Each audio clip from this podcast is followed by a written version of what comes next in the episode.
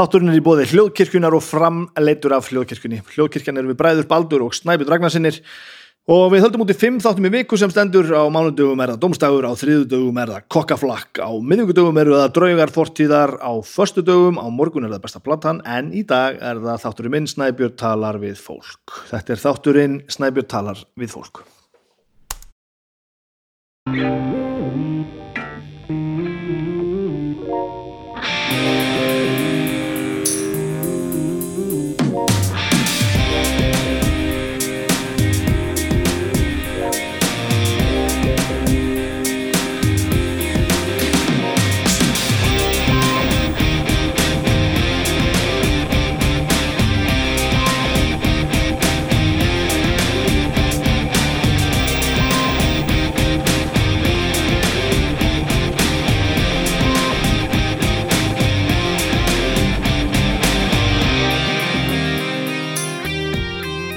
Komið sæl, velkomin í þáttur minn Snæbjörn tala við fólk.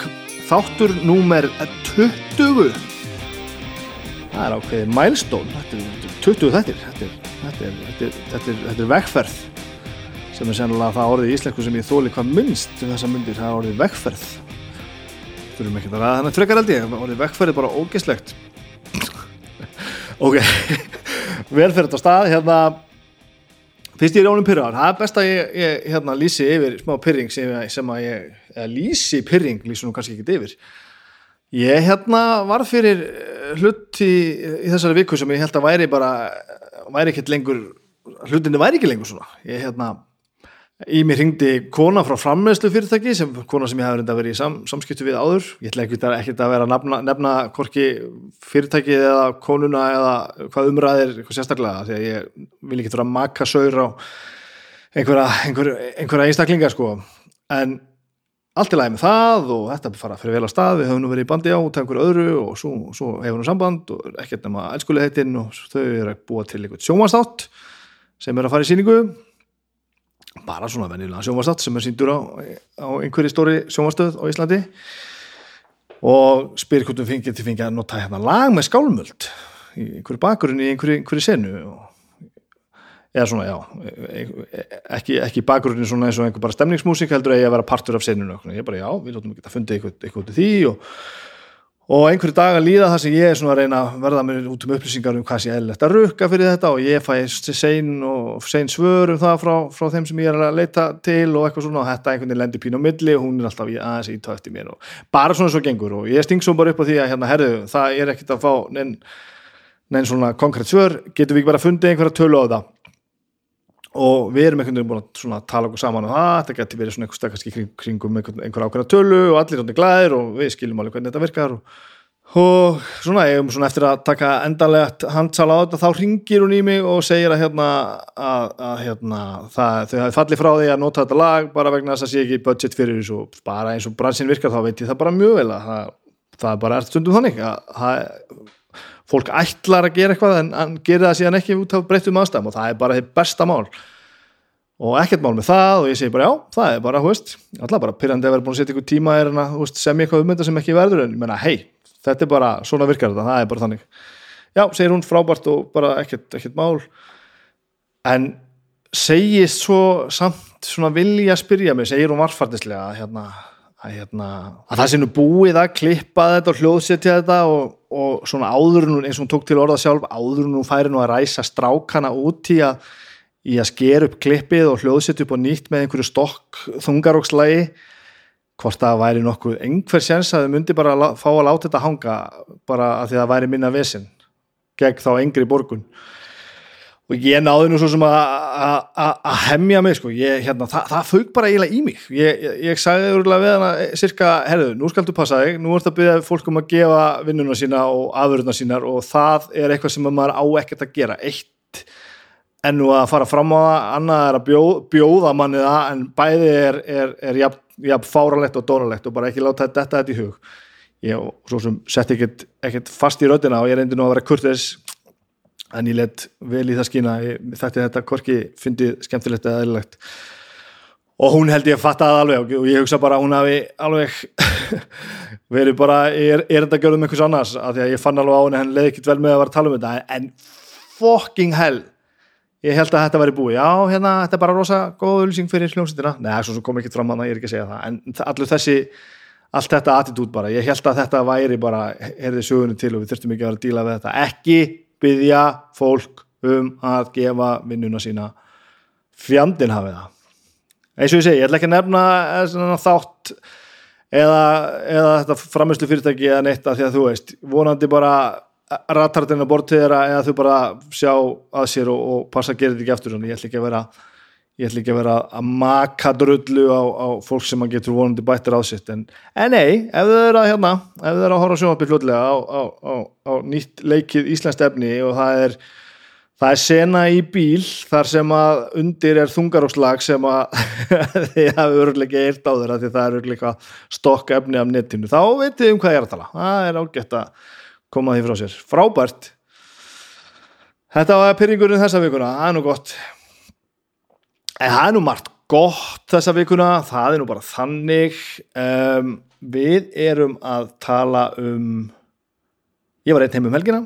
Agnes fór bara norður með krakkana. Við gerum þetta stundum þegar við getum að reyna bara að vera aðeins minna, minna saman. Og ég tók þennan uh, vera minna saman, það hljópar ekki vel.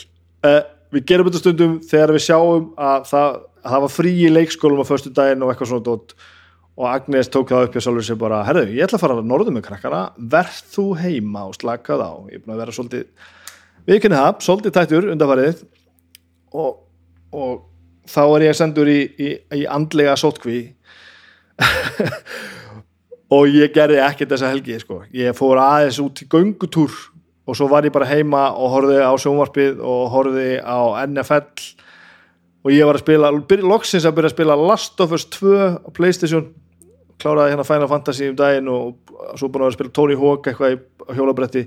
Og svo að byrja að spila Last of Us 2 Last of Us 1 náttúrulega verandi sennilega besti tölvöku sem ég spilað og þessi greinilega ja, frábær, en allavega og reyndi bara að fara ekkert allt og senda að sofa og svaf bara og reynda munundir að borða og drekka vatn og vera bara miðaldra að reyna að passa upp á mig og reyna að sapna ykkur orku sem gerir það verkum en ég er bara ég er bara allur annar maður núna heldur en ég var fyrir helgi. Því kannski þið hafið kannski mögulega merta þegar þið hérna, hlustuðu á, á þáttinn viðtal við blæfi í, í, í indróinu og átróinu þar þá ég var ekkert upp um besta, ég var eiginlega bara stjarfur á þreyttu ég kannski hljómaði eitthvað hálf fúll og þurra mannin það er bara svo það er.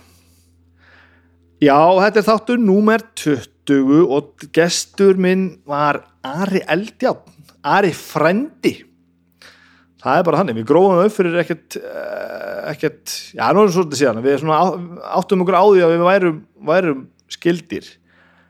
Eh, það breytið eins og ekki að við Ari erum, erum vallanum að rétt rúmlega málkunir, við erum bara svona félagar, félagar og yngir og hittumst alls ekki reglulega og bara, bara sjaldan bara svona heilsust á förnum og, og, og já en við erum heima stutt frá hverju örum hérna og, og eftir þetta spjall hérna og kannski spjallið aðeins í eftir við búin að skrúa fyrir mikrofónuna þessar á meðan að vara að fara í skóna það, það var nú svolítið svona, við ættum nú kannski að fara að hittast fílingur í því, þannig að hver veit, ég held að það geti margt verið vittlusaheldur um það, allavega áttu við, við gríðalega vel skap saman og margt um að tala. Eins og heyrist í þessu viðtali því að það er alveg, held ég alveg óbúslega langt, ég held, ég held um, það, þetta er held ég þriðja fjóruði þáttur það sem að verið að það sem eru vinnuvílar fyrir glugg, utan glugga hjá mér. Það, Malbyggi var, var fræst upp hérna fyrir mörgum viku síðan og það ætti að fara Malbygga ofana og svo kom ég ljósa að þetta skipti um einhverja lagnir og það er búið að saga og móka og brjóta og einhvern veginn virðast e, þessi snillingar hinn í gulluúlbúnum alltaf velja sér tíman akkurat þegar ég er að taka viðtöl til þess að, til þess að gera þetta sem þarf að gera eða þá mögulega að það er kannski ekkit óðurlegt að, taka, taka stóra rákvarðinur og fara að gera, gera stort og móka á mándagsmótnum að því ég tekit upp á mándagsmótnum þannig að þannig að það er nú bara þannig. En, en ég heldur reyndar að þetta hafi tröflað viðtalið við Ara mjög lítið.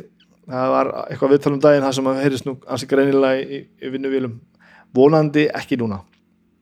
Ég þarf að hætta þessu blæðri vegna þess að þið eigið eftir að hlusta á mjög langt viðtal uh, við Ara Eldjátt þetta var ógeðslega skemmtilegt, við fórum svolítið bara þvess og kruss og töluðum bara uh, og þegar að hlutinni rúla svona áfram og maður veður einhvern veginn bara úr einu í annað þá er það bara allt í lagi. En hann er náttúrulega augljóslega eitt skemmtilegasti maður í heiminum að tala við. Ég held að við hefðum aldrei þurft að hætta en það gerist nú samt á endanum. Þetta, svona, þetta fer út um viðan völl og við tölum um mikið af svona almennum almennum hlutum og fyrir svo svona aðeins þegar að líður, að líður aðeins á viðtalið fyrir við aðeins í alvarlegri hluti og alls konar fjölskyldumistur hans sem, að, sem er mjög óheðbundið bæði sorg og gleði og, og svo bara þetta ótrúlega æfistarfa að vera uppistandari. Og bara vanga veldur lífið og tilvöruna hætti þessu nú, hætti þessu nú, drengur. Nú skattu hætta að bladra því að næst er viðtal mitt við Ara Eldjón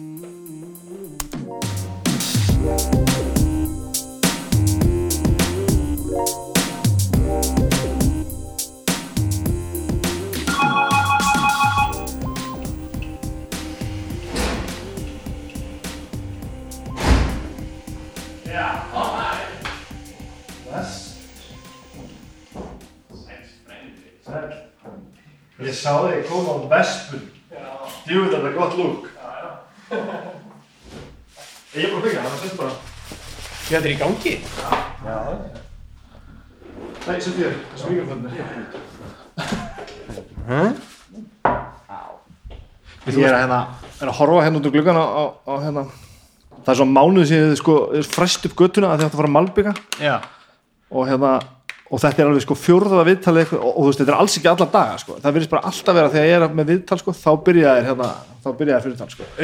Og ég er búin að fylgjast með þeim hérna í morgun og núna ef, þú stendur upp sko, þá segir hérna, segðu þeir eru að koma þessu þjöppunar við hérna í gang Já. og þegar, þegar hún fyrir í gang hérna þér þá heyrum við örgulega ekki hver, öðrum þannig að það er frábært Ég vann við þetta einu sinni. Ég vann í gatna gerð. Já, Já, Þá vann ég eitt sumar í þarna, já ég vann nú tvisvar í þessu, ég vann líka árið, árið 2000, þá tókum við gegn þverbrekkuna í Kópói, gróðum hana upp og skiptum um allalagnir. Þá var ég á skóplu og gekk í öll störf og mikið og líka látin taka steinsauðina, partnerinn, með tvígengi sóli, skýri sundur malbeik og, og steina og ég var mikið í því að tengja skolprör og sá hvað fólk var að setja honi í klósettin í Kópói það var ótrúlegustu hlutir fann ég svona vasanýf sem einhverja styrta niður. Uh, dúkkuhaus. Er þetta ekki börn? Maður, fjandinn hafið það. Lítir að vera sko. Færðu hérna aðeins, maður það talaði bara eins nálastórum og getur. En maður sér bara, maður sér bara frárenslu frá öllum, það var alveg upplifun. Og svo já, það var heilt sumar hann 2003 þá vann ég hjá Heima Þorgir þá vorum við að grafa upp allt uh, smá íbúða og setja ljósliðara það var alveg geggjuð vinna sko. það bara, maður, maður fekk að kynnast svo mikið af fólki sem að bjó í þessu hverfi. Og mikið af svona eh, mikið af gömlum mönnum sem hefur byggt húsin sín sjálfur Já, þeir já. komu oft út sko og vildu bara fá að vera með. Ma mættu með einhverja skóplu Þegar kortið er, hefur gert þetta á sínu tíma þessu. Já, ég ekki bara hjálpaði með þetta vinnur og ég, man, ég hrætti einn alveg ofsalega þegar ég var undir, var búið leggja svona brú upp á húsina, það búið að grafa alla gangstýttin í sundur og ég var eitthvað undir brúnni að tengja saman einhver rör eða eitthvað drastlu og kom einhver svona mjög gamall maður og sagði, jæja, ert þú ert þú að vinna undir brúnni? Og ég svaraði bara eitthvað svona, "Ja, nei, ég er, nei, ég er tröll. Sem var eitthvað grín hjá mér og var svona, er það ekki annars, er ekki tröll undir brú? En svipurinn á hann, hann bara svona, ertu tröll? Og svo fór hann bara, að kannski hefur hann bara verið svona þjóðtrúar maður sko. En ég man að þetta var alveg þetta var rosalega vinna, maður vann 11 tíma á dag Já. og einn daginn vann ég hérna 17 tíma og þá hafði einhver sagt mér, ef þú vinnur svona lengi þá átt að fá að koma setna daginn eftir, það er samkvæmt einhverjum kjarasamningum og, ég spurði verkstján, herri, fæ ég ekki að koma þá setna í fyrramáli ha? Nei, ég vinna 17 tíma, þú veist, ég þarf kvildi það ekki, eða ekki eitthvað í kjarasamning ha ha ha ha ha. Og daginn eftir var hann búin að dreifu þessu svona út um allt í kaffinu jæja, kemur leiðtói stettar félagsins vilt ekki fá lögbundna kaffipásu líka? Ha? þetta var svona gaur sem sagði þeim að koma eina mínúti yfir halvu átt á mótnana góða kvöldið. Þetta var svona óþólandi mikil, mikil kallmennska í Hva, hvað er það árið sér til þess að þetta, hvað ár þetta var? Já. 2003 2003, já, Já. Ég, myndi, ég var að vinna í matfyrirverslunum hana um, um aldamótin, sko. það var einmitt þetta sama sko. brjála að gera jólatörn og eitthvað svona kvildartímu eitthvað svona bara, það var miklu, miklu líklega að sko, verslunarstjóri myndi útdeila sko, eitulifum til þess að það getur unnið meira heldur en það fengi kvild og og ég er svona, ekki að íkja það sko. Þið líka sko á þessum tíma þá ég vann með einhverju manni sem sagði þetta er, þetta er svo allt annar kultúr hérna á Íslandi heldur en til dæmis í Danmörku sko. Í Danmörku það er bara 38 tímar.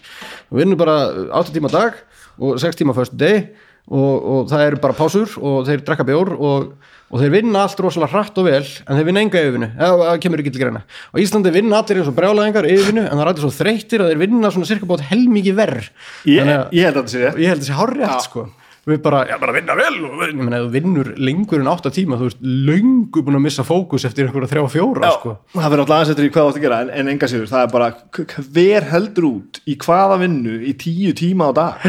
Klikkun sko. Í sko fymta í röð og svo þarf eitthvað að kvílaði með börnunum um helga. Þetta er bara, veist, Já. þetta er galið. Þetta Já. er algerlega galið. En þetta var svona, mín, mín, mín fyrstu svona, mína fyrstu reynslur af vinnumarkaðunum var ég er ekki nógu harður í þetta sko. Þetta er, þetta er, ég hef ekki þessa gengdarlausu hörku og einhvern veginn þegar ég kláraði mentaskóla hafði ég ekkert plan, ég fór ekki háskólaði neitt og ég bara einhvern veginn hugsaði já, þetta verður bara svona, þetta verður bara að vinna og helvíti.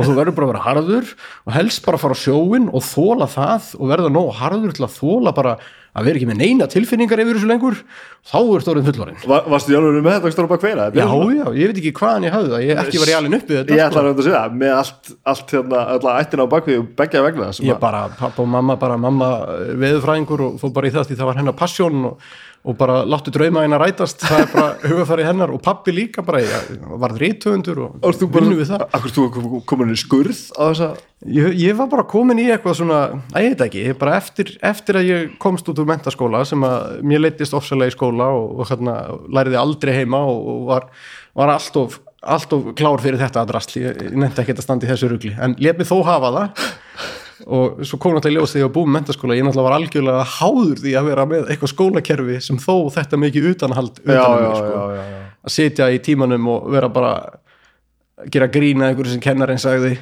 Því mér varst svo leðilegt en þetta var samt bara eina umgjörðin sem ég hafði sko. þetta var eina sem ég þekkti. Þannig að þegar ég kom út um mentaskóla þá var ég kannski eins og gamli kallin í Shawshank Redemption institutionalized. En ég vissi ekki alveg hvað ég átti að gera en ég prófaði eitt og annað blaðamennsku það átti ekki við mig, fannst það alveg ferlega erfitt ég bara hafði ekki í mér þetta ég var, vann á DFF, tvisvar mér að segja en bara það að taka upp síman og ringi einhvern og spyrja einhverjum erfum spurningum ég bara, ég, ég gata ekki sko. Nei, nei, nei. það er svo vandraðlegt góðan daginn, heyrðu það er þú, spiltur, halló du, du, du. Bara- Ég get þetta aldrei sko Aldrei það það er alveg sérstakann karakter í þetta sko. nei, ég prófaði svona eitt og annað og var heil lengi að finna mig sko. En, en, en þú veist var allavega allaður er að fara að finna verkamannavinu, ekki var það komið eitthvað planu það var bara eftir ég var búin að vera atvinnulegs í marga mánu Já, sko, bara, nú verður ég bara að fara að gera eitthvað í mínum málum og ég held að myndin Íslenski draumurinn hafi haft alveg rosalega mikil áhrif á mig. Ég, bara, já, ég er bara þessi tóti. Ég er bara einhver gaur með einhverja drauma í hausnum. Nú er bara uh, raunveruleikin komin og segir bara, heyrðu það er víksill Já, þú ert að borga þetta, þannig að nú þarf ég bara að fara að vinna hjá málaramestarunum Þorsteini Backmann sko. Þannig- leið mér sko. ég held að ég hef aldrei tengt jafn mikið við neina íslenska mynd og íslenska draumin hún er sko episk. Bara, hún fjallar um bara hún fjallar bara um materialismann og, Já. og svona og já, íslenska draum fyrsta íslenska myndin sem að viður kennir til dæmis það að, að íslenski kallmenn horfa upp til hópa bara á fótbolta frá Englandi. Það bara hafði ekki, flestar íslenska myndir fjölluðu bara um einhverja einhverja dali sem voru að fara í eyði. Sem er fallegt en, en ekkit, ekki það sem massin er að gera. Ekki, ekki þessi daglegi raunveruleiki. Daglega raunveruleikin er bara Liverpool og Manchester United En hvaða drauma voru þetta sem varst með? Sem varst að, varst að fokka upp hana? Ég ætlaði alltaf að verða kvikmyndagerðamaður, kvikmyndaleikstjóri. Það var eiginlega bara svona mitt áhugamál frá því að ég var krakki, sko þegar ég var bara bann þá vildi ég vera rockstjarna, það var eina sem ég fannst vera merkilegt. Það er bara hárétt Já, og það bara, fyrstu árin var bara, ég ætlaði að vera í hljómsveit og ég stóðnaði hljómsveit þegar ég var nýja ára sem hétt Hvítu Kongulærnar, algjörlega ómeðvitaður um tilvist Whitesnake, þetta var bara eitthvað út í loftið. Það segja, er sko White Lion, White Snake, White allt og þú, þú veist, White Spires. Þú, þú hefur verið heimsfæða, sko. Þokkalega, við vorum þrýr vinnirnir og hérna, þetta var rosa, bara mikið af svona, þetta var bara svona góðar barna minningar, sko. Þú hefur komist á playlista í bíltúr sem fórum um daginn á leiðina norðan. Ég bara, þetta, kemur frekar, frekar hart þetta, við vorum um þetta að tala um þetta White Snake, Snake og White Lion og allt þetta til, til eitthvað svona fleira sem ég manni hvað ég hétt og við tókum nokkra klukkutími það að fara á Spotify Já. og spila bara lög með hljómsundum sem héttu eitthvað með White í. Þetta er í skemmtilegasti leikur sem ég átt sko. White Snakes, Já, White Snake og White Stripes. og svo finnur þú náttúrulega bara þú veist, ef þú kafar hann á, bot- á Spotify þá finnur þú náttúrulega fleiri hundruð sko. -hmm. og svo fóru bara niður listan og það var náttúrulega, veist en, en sko, ykkur eye-opening að sjá hvað til af, af alls konar já, mikið af því var sko svona glis en þetta var gennilega svolítið líka hart í einhverju, einhverju svona 90s hip-hop sinu mikið af einhverju svona hér sem hér væti eitthvað þar já, svo náttúrulega frækt þetta gamla, gamla rappla, hérna White Lines White Lines já, já. blow away en þetta var einhvern veginn bara það sem ég lifið og hræðriðist í, bjónu bara held ég meira og minna í hausnum á mér sem krakki. Ég bara að, mjög skaman að uh, grúska að lesa. Ég sé hérna ert með ægilega fínt tinnasafn og svo alveg val, ég var með þetta allt saman heima á mér. Og svo gekk ég náttúrulega bara í plötur og vídeospólur sem að eldri bræði mínir hefur komið sér upp. Já, já, já, þannig að maður var svona búin að fara í gegnum eitt og annað gamalt. Þegar ég var sko ég gleymi nú aldrei þegar ég var nýjára þá, þá var ég með mikla törtlstellu og fór alveg all in í það. Þú fættur 81 81 Já. Þannig að myndin kom út 90 og sá hann í bíó og svo var ég heimi á vinnu mínum og við vorum að föndra törtlsbúning og ég hefði tekið körfulok af óhrinatöiskörfu og við hefum vafið utan um það einhverjum pappa og limt og sem máluðum á svona skjálpökudót og svo notuðu held ég axlabönd til að festa á svona bakið og þetta var mjög flott. Og þegar ég kom heim frá honum eh, þá hérna kom ég að allir í fjölskyldunni sitjandi fyrir framann sjónvarpið skelli hlæjandi að einhverju teiknumynd sem að þau höfðu bara dottið inn á í sjónvarpinu og þetta voru Simpsons. Já, já. aldrei heyrtum það áður. Nei. og þetta var þátturinn það sem að, þetta er í fyrstu seríunni þátturinn það sem að Bart og Lisa eru í pössun hjá Badnapíu sem reynist að vera glæpamaður sem Já, rænur þau. Alveg og þetta er eitt seinasti þátturinn í seríunni en þetta er fyrsti þátturinn sem ég sá. Ég man að við hlóum svo mikið að þessum þætti. Öðruvísi hlátri heldur að hefði áður Já. Og, það var, og sá ég hann að þátt mörgum ára setna aftur og hann er svo frumstæður með það sem síðar varð. Fyrsta serið náttúrulega er svo, svo hæg og, og, og og bara dark. Já, dökkur bara, sko. og Homer er í sjálfsvíshugleðingum og, og er ekki jafn heimskur heldur. Nei, hann er ekki að byllus hann er ekki alveg detta á hausin vitlaus, sko. Þetta er svona barna, þetta er svona, þetta er svona barnaskref hjá þeim höfundunum og fleiru. En ég man bara að þetta hafði rosa mikið áhrif með uppgöðna Simpsons, bara straujaði það og sapnaði því og spólur og á ennþá allar vaffaði spólurnar Ari á þessa spólu, Simpsons má ekki taka yfir, bara þetta eru fjögra tíma spólur sem hafa búin að taka upp þátt til þátt og inn á milli sést þulan í sjónvarpinu og eitthvað svona og þetta hefði mikil áhrif á mig. Eitt sem hefði mikil áhrif á mig líka var að ég flutti til Englands þegar ég var sjö ára. Með pappa og mömmu, mamma fór á eitthvað svona tölvunámskeið í háskóla. Tó, kláraði eitthvað próf út í að hún var að vinna við stofin og þurfti að hafa ákveðna það var að vera uppfæra tækjakost og þannig að þau tökur bara ár í Breitlandi og, bara ótrúlega hugulegt og ég bjó í eitt ár í England og fekk náttúrulega ennskuna þá Hvar beint í æð, við vorum í Canterbury í hundraðu sem hana bæ, bara sem að kirkjan er.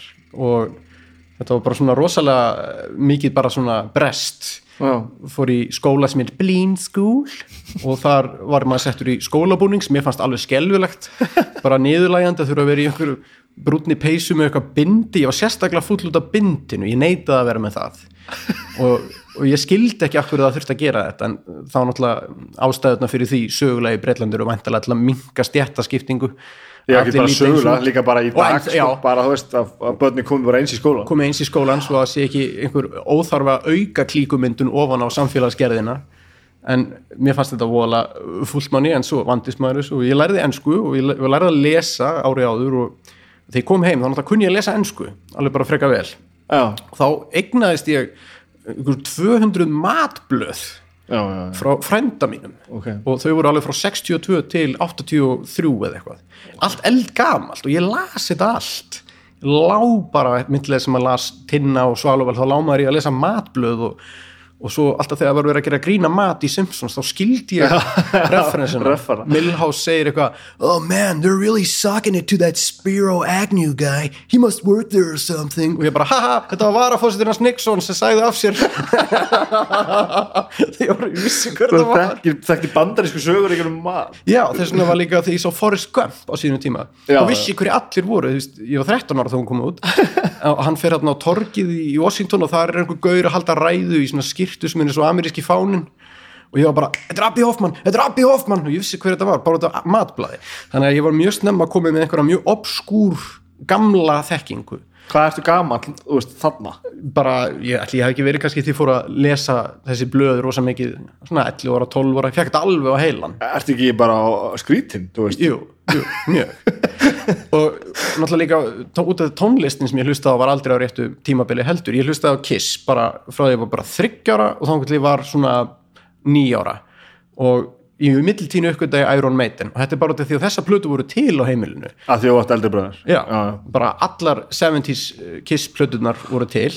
Allur katalókurinn þar. Það vantaði held ég það vantaði einhverja eina man ekki lengur hvað plata, fyrsta plata sem ég hlustaði á var Dynasty, I was made for loving you. Hefði ekki hugmyndum hún var eitthvað umdelt fyrir, einhverja disco sleikjuskap bara briljant plata á mínum að því og síðan þarna eh, tók ég bara við Iron Maiden og maður fekk bara plötuna frá eldri byrjarunum og lá bara yfir og svo hlustaði það. Á sama tíma er náttúrulega fólk að hlusta Michael Jackson á Íslandi, Já, já.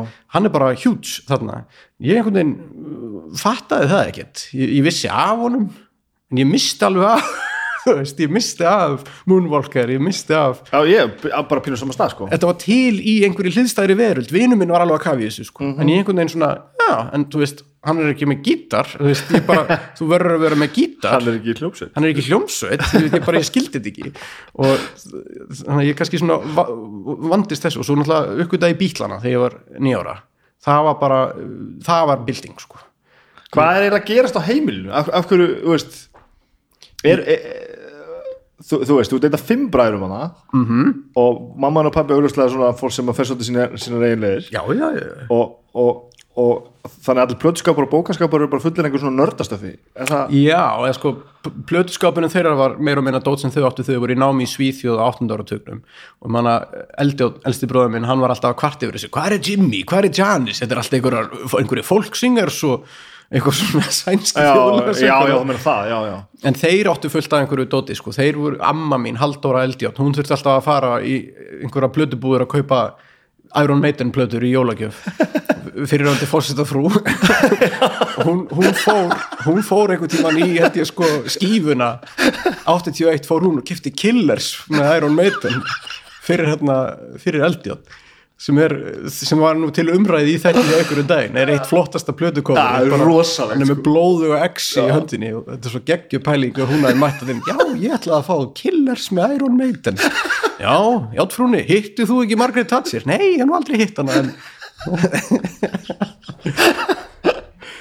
en já, ég man bara þeir, þeir voru alveg á kafi í tónlist þeir voru í sko, veist, þeir voru báðir í FIH og, og mikið pældir sko. Þeir elstu tveir já, og var alveg bara þvílíkt mikið að spá í músík og einhvern tíma var ég veikur. Já, ég hef verið svona 9-10 ára sannlega 10 ára, var ég veikur heima og sendi þó út í vítilegu fyrir mig. Þeir voru að passa mig.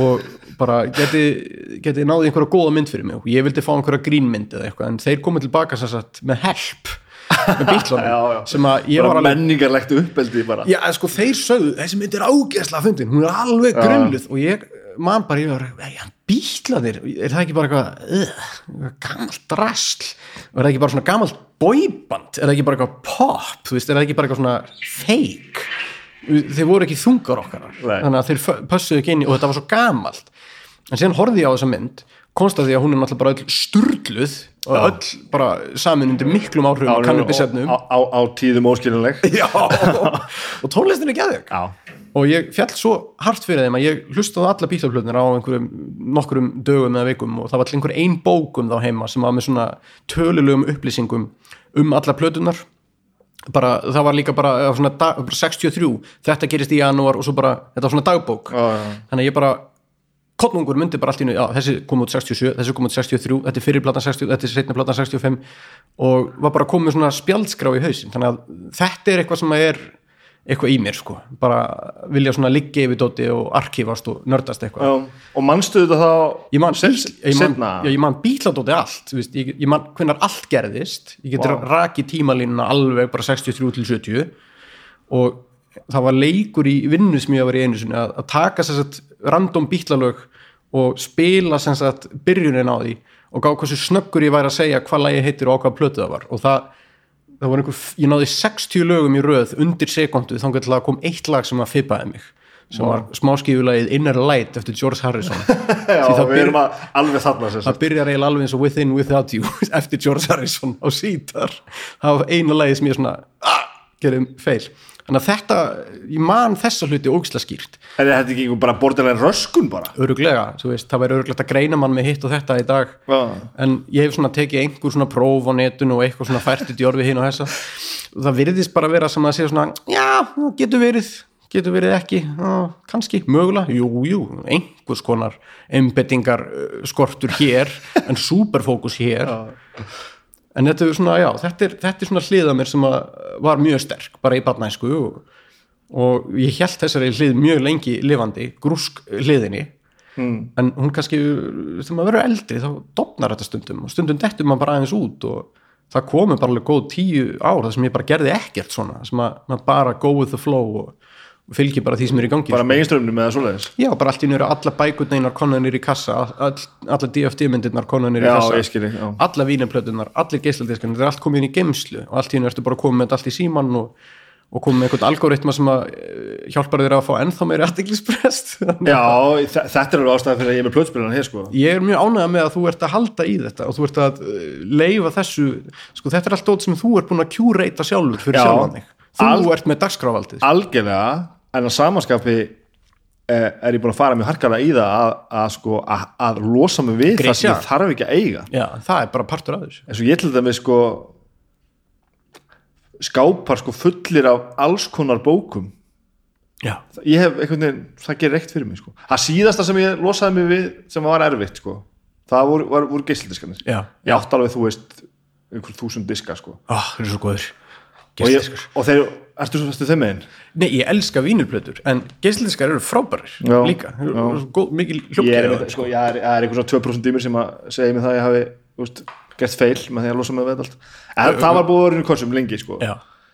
Og þú veist ég fe, f-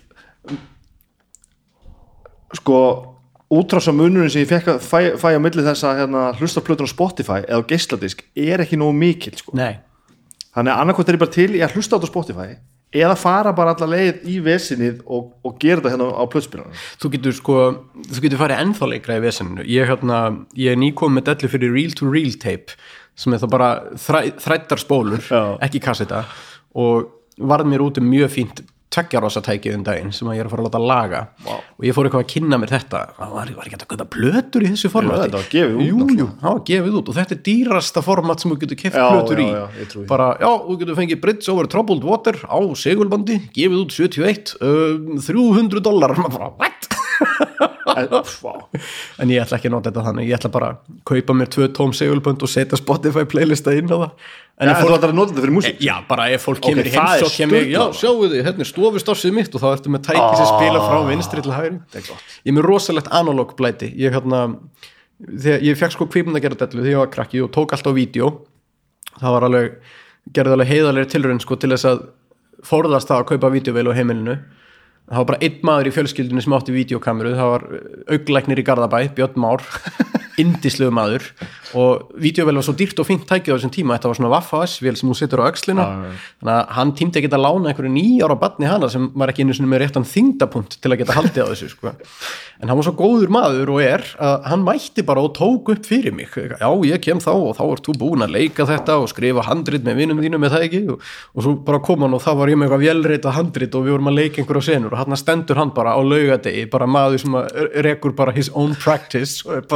með nóga hlutum að gera og fimm börn sjálfur.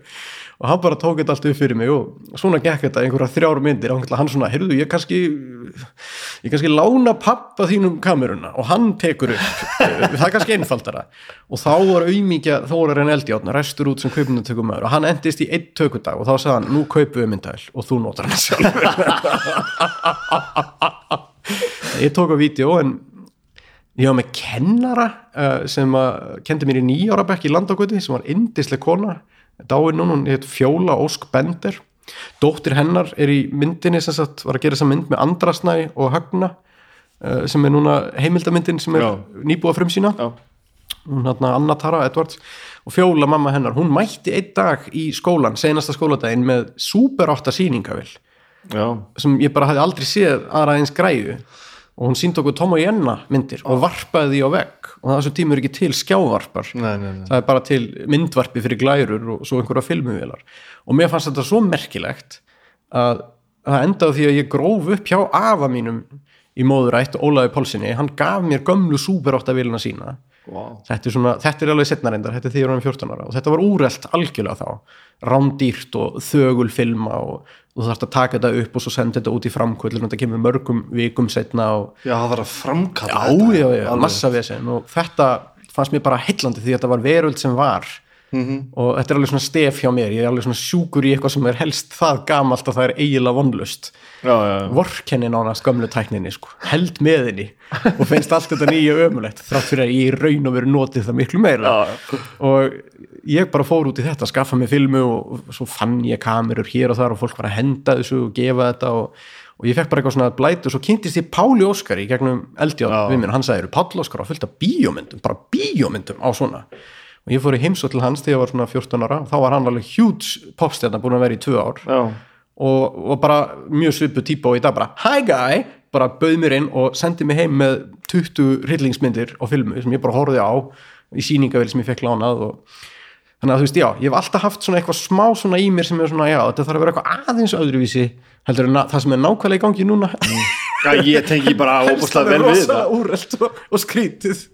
Já, þannig að það, það er eitthvað svona ég elska grúska, ég elska kafa í einhverja bakkkatalóga og að samanskapi þá er ég oft algjörlega lost í nútímanum. Bara, bara skil ekkert hvað er að gerast og, og, og það, þetta er svo slemt að dót sem mér fannst ömulegt fyrir 20 árum, ég, mér er fyrir að þykjast vænt, þykja vænt um það núna.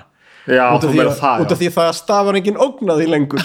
Ég man ég hataði Creed og ég hataði Limp Bizkit það var ömuleg bara Can you take me higher. Og við vorum allan daginn í skólanum bara eitthvað yeah, yeah. Að gera grína þessu. Og svo fann ég eitthvað gammalt Creed-lag um daginn og það var eitthvað Well I just heard the news today. Og ég var bara svona emotional að það. Þetta var nú í gamla daga þegar það var ennþá verið að gefa plötur. Þá allt í nú verið þeir orðir eitthvað sem ég saknaði. Alveg saman með Limp Bizkit. Ég var alltaf að gera grína, grína þeim. Bara eitthvað Yo punk, take a look around Limp Bizkit hvað er aðeins um gaur? Og allt í nú verið bara já hann á nú bara svona, þá í tísku er með gítar og já, þeir voru alveg að selja fullt af plötum. Ég held með þessu núna sko mjög vandræðalegt, ég fór að hlusta á Limp Bizkit um daginn í einhverju nostalgíu eftir bandi sem ég hataði einu sinni. Og það er sem sagt public á Spotify hvað ég er að hlusta á, það er að followa mann og sjá Já. það. Og það er einn vinur minn tekur greinilega alltaf eftir því að hann býr í Englandi og hann sendir mér bara en bara keira sig í gang með dörstarunum eða? Er bara hvað, ég verð að hlusta á verð að taka rolling svolítið í gegn núna, já ég er búin að hlusta á nokkur sem ég er að keira, ég er að fara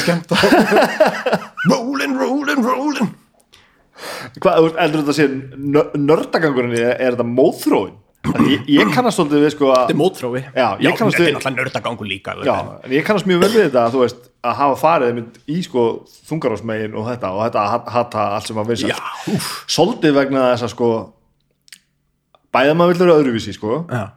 uh, en líka þessi pæling sko hvernig getið þið verið að öll að tilbyða þetta sama þegar það er svona margt annað að úti ég fæ það alltaf sko. Já, sko, þetta er, þetta er alltaf í grunninn, er þetta eitthvað óryggi og einhver hróki líka hjá manni að vera bara eitthvað svona, þetta uh, þetta er svo mainstream og, og, og það hugafar, notabenni, fyrir 20 árum var miklu sterkara en það er í dag. Um, í, í, í, þá til þess var bara alveg stór mál ef að einhver var að koma fram í auglýsingu. Veist, það var bara, oh, fucking sellout sko, Já, já, fucking já. Já, er reyndar hárrétt, sko. en það er orðið miklu ásættanlegara í dag. Það eru allir miklu svona veist, það er allir svo vanir í að það er smá auðlýsing í gangi, smá plögg, smá promo. Því það eru allir alltaf smá plögga sig, smá promo sig á netinu þannig að það er orðið normal, normaliseraðara að vera svona með eitthvað svona markas agenda og það þykir ekki jafn merkilegt en þarna manni þetta var rosa mál bara ef þú leggst í auðlýsingu og varst tónlistamæður uh, þá, þá var ákveðin hópur af tónlistagrúskur sem bara leiti ekki við sko, bara, bara svindlari já, láta lögin sín í auglýsingar sko. það var eitthvað algert tabú já, sko. það er allt vaðandi í spónsið núna sko. Já, en, en auðvitað líka það, vegna þess að þú veist, á þessum tíma voru þetta bara einhverju risa sem að voru að auglýsa já, á meðan að þú veist núna ef þú, ert ef að þú ert að auglýsa eitthvað eða þú veist, auglýsa þig eða eitthvað svolítið þá skilur maður svona, ég meina, hann er að gera það af því að hann er bara að reyna að vera til í lífinu sko. Já, já. hitt var eitthvað svona corporate lykt af öllu sko, bara, allt til sölu og bara en, en ég hef alveg náttúrulega oft gert eitthvað svoleiðis, fengið einhverja styrtar aðal á sýningu og eitthvað svoleiðis. En ég hef aldrei átt neitt rosalega svona mér er alltaf þótt að svolítið óþægilegt. Að vera svona að þurfa að uh, plugga eitthvað og sponsa eitthvað. Þannig ég er svona að reyni að gera sem minnst af því. Aðlutið mér finnst svo leðilegt að vera í vinnu sem tengist auðlýsing og þú vinnur á auðlýsingastofu ég vann á auðlýsingastofu í þrjú ár og ég held sko að ég hafi eiginlega ekki gert neitt á Já. þessari auðlýsingastofu nema bara að vera í góðu stuði sko. vera bara hress í kaffipásunni sko. En varstu hugmynda á texta? Já, en, en ég held ég að við bæði fengið mjög lítið hugmyndum og skrifa mjög lítinn texta en Já. ég var rosalega uh, fínt svona trúður á vinnustafnum og ég var held ég meira að notaði bara í að svona, mér var drösla með á fundi ef það átti að pitcha einhverju þá var þetta að láta mig leika það og þá svona, já, ég, það er eitthvað í mér sem virkar þar sko. En af hverju, hverju fyrst ekki hugmyndir á auðlýsingastofu bara eins og ég, fe- ég, ég fekk alveg hugmyndir en ég held bara svona í grunninn það var ég bara, ég meina, þú veist þetta er bara auglýsing. Já, þú þótti það kannski eitthvað ekki göfugt Já, ég maður þarf stundum alveg að setja sér stellingar. Já, það er þannig sko ég gerði einu svona auglýsingu sem að reyndi rosalega þólrifin í, í mér og öðrum og það var, ég fekk bara mér var sagt að gera eitthvað á útarsauglýsingu sem að ætti að vera svona svo jólalag fyrir Yngvar Helgason. Og við gerðum auglýsingu sem var Yngvar Helgason er á sævar höfðatö og ég man að hljóðmaður sem tók þetta upp, hann var bara þetta er allt í lagi, ég hef tekið upp verið hluti. Ekki marga, en það hefur þó gerst að ég hef tekið upp eitthvað sem er verið en þetta, ég var ekki, já ok Já, auðvitað þarf maður að, veist ég þarf, ég þarf að stilla mig af í vinnunni. Það er alveg þannig. En, en sko, það er mjög sjaldan sem að mér finnst ég, eins og ég sé að gera eitthvað í vinnunni sem að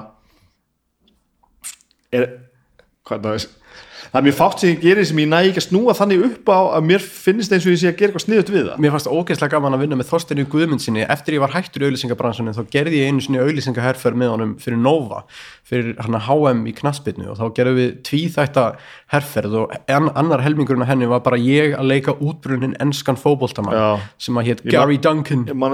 og Steini sem sagt, hann litið þetta, dót, hann var með akkantið Nova á þessum tíma, hann og vinur hans dagur, þeir voru bara með tveggja manna auðlýsingastofu og Steini var eitthvað, já sko þú veist, þetta er náttúrulega skilur, þetta er þetta er auðlýsing fyrir símafyrirtæki en þú veist, þetta er fótboltinn sem fólk er að pæla í.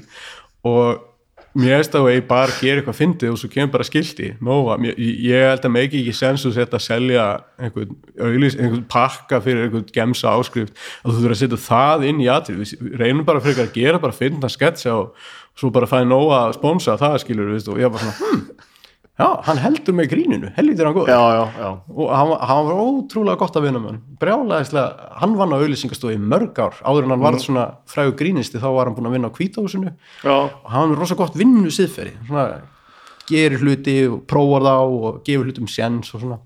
Og ég kannski eh, endist ekkit eitthvað ofsalega lengi í þessu bransa því ég er ægilega verkkvíðin og ég er líka rosalega kröfuharður á sjálfa mig og þetta getur skilað sér í rosalega svona sveiflukendum afkvöstum það er að segja, bara gerist nákvæmlega ekki neitt heil lengi og ég bara, nei, ég- þetta er bara ég, nei, þetta er ekki þetta er ekki snild, þetta er ekki snild. Og svo allt í henni bara, þetta er snild! Og þá ríki af stað og bara tón, tón, tón, tón, þá getið bomba og dóti og þetta við, við með allt sem þú gerir Já, eiginlega. Og þetta hefur svona trubla mig alveg freka mikið.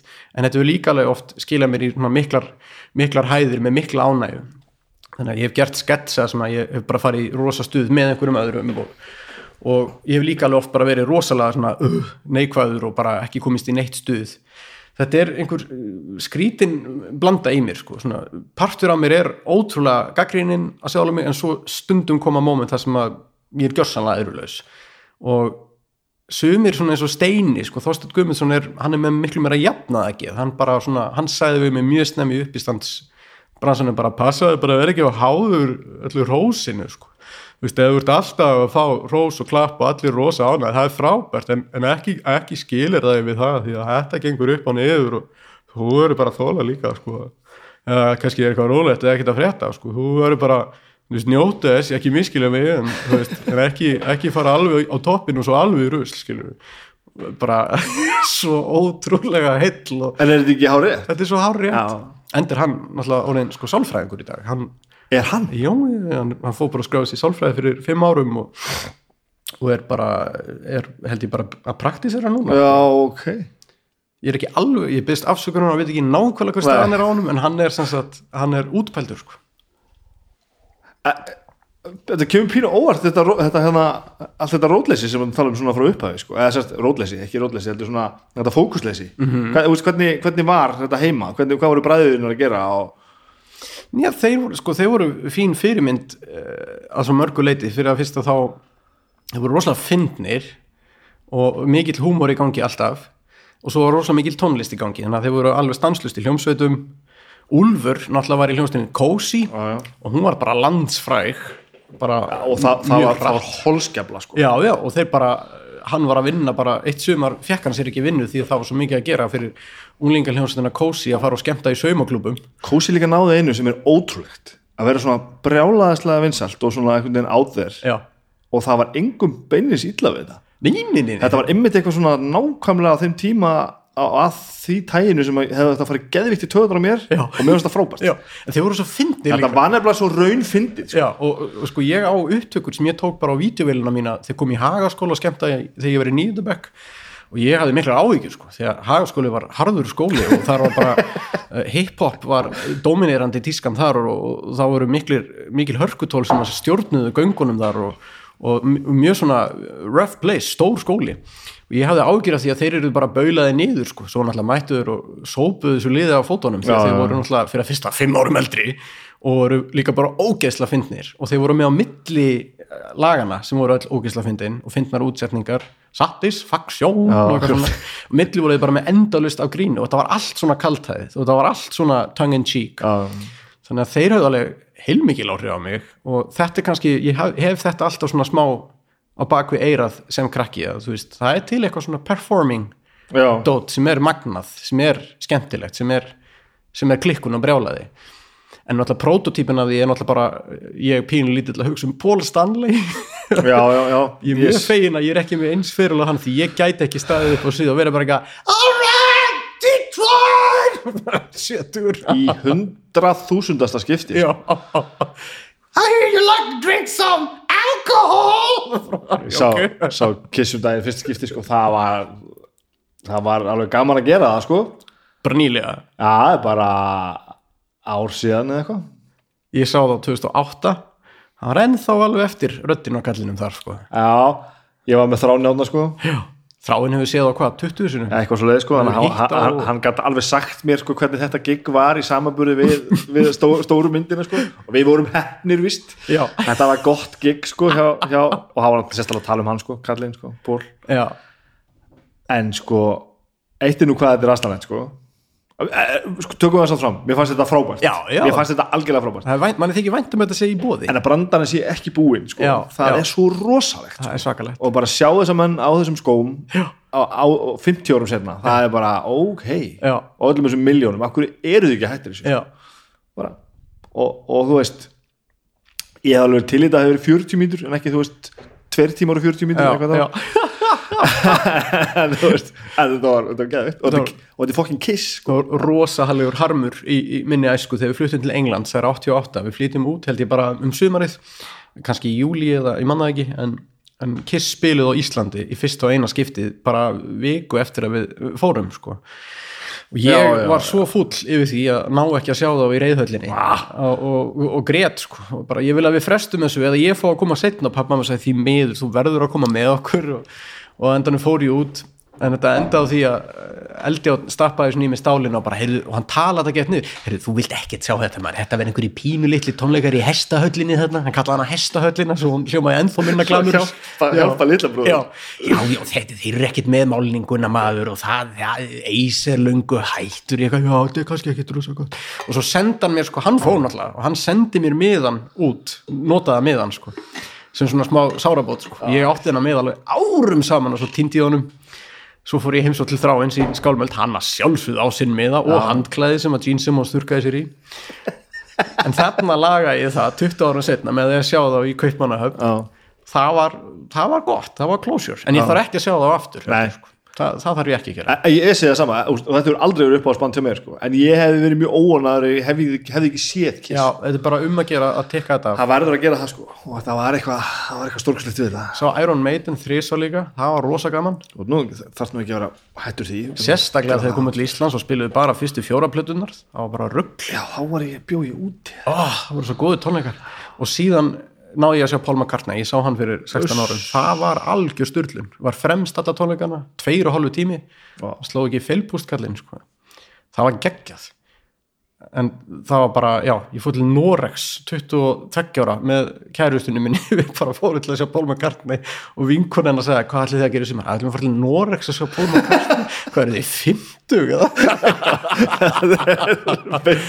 ekkert svona basic stuff. Ah, hann var svo góður sko. Ah, það var alveg klikkað sko það var bara svona ég bara, ég, ég misti vatnið bara þegar ég sá, sá hann þegar hann byrjaði að taka einhver bíl og tók helter skeltir og eitthvað bara ja, þetta er það sem allir segja sem sjá hann og er þetta í dag að það bara einhvern veginn það bara heldur alveg já, heldur einhvern veginn. Ég ætla nú ekki að segja kúlir það, þannig er ekki kúl. Hann er ekki cool, hann er eiginlega lúði sko. hann, er- var cool fyrir Nei, 50 árum. var það? Jú, fyrir 50 John var árum. kúl og hann var lúði, ég held að sko, fyrir 50 árum var hann uh, algjör fígúra sko á í svona bóheimasennunni í London já. hann er í raun og veru gauðin sem að starta öllu þessu psychedelic dóti og þessu rosalega svona experimental dóti.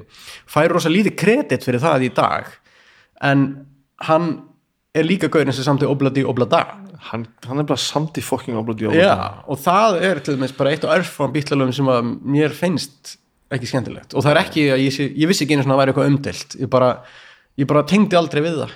Lennon kallar þetta ömmulögin Já, granny music. Já.